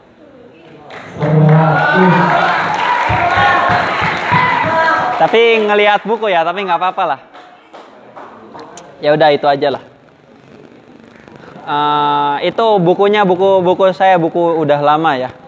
Jadi itu ada kenang-kenangan dari kehidupan saya di Atohiriah ya.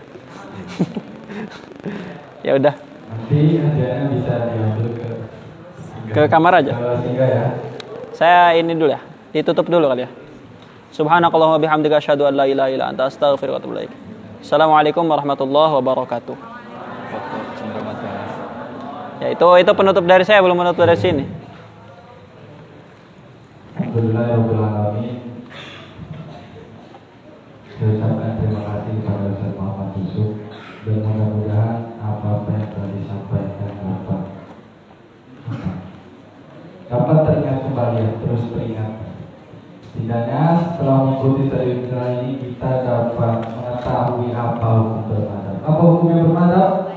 Wajib bagi orang awam.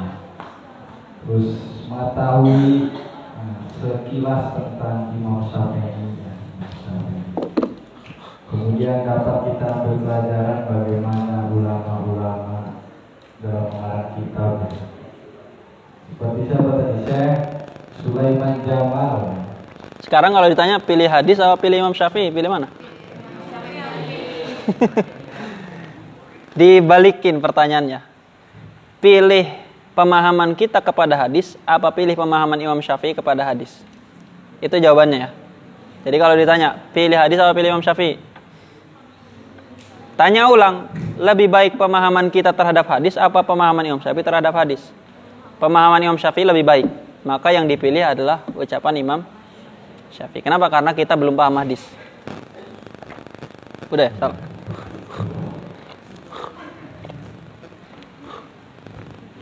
Artinya terus terus belajar. Jangan sampai kekurangan menjadi alasan untuk tidak mengaji. Juga jangan sampai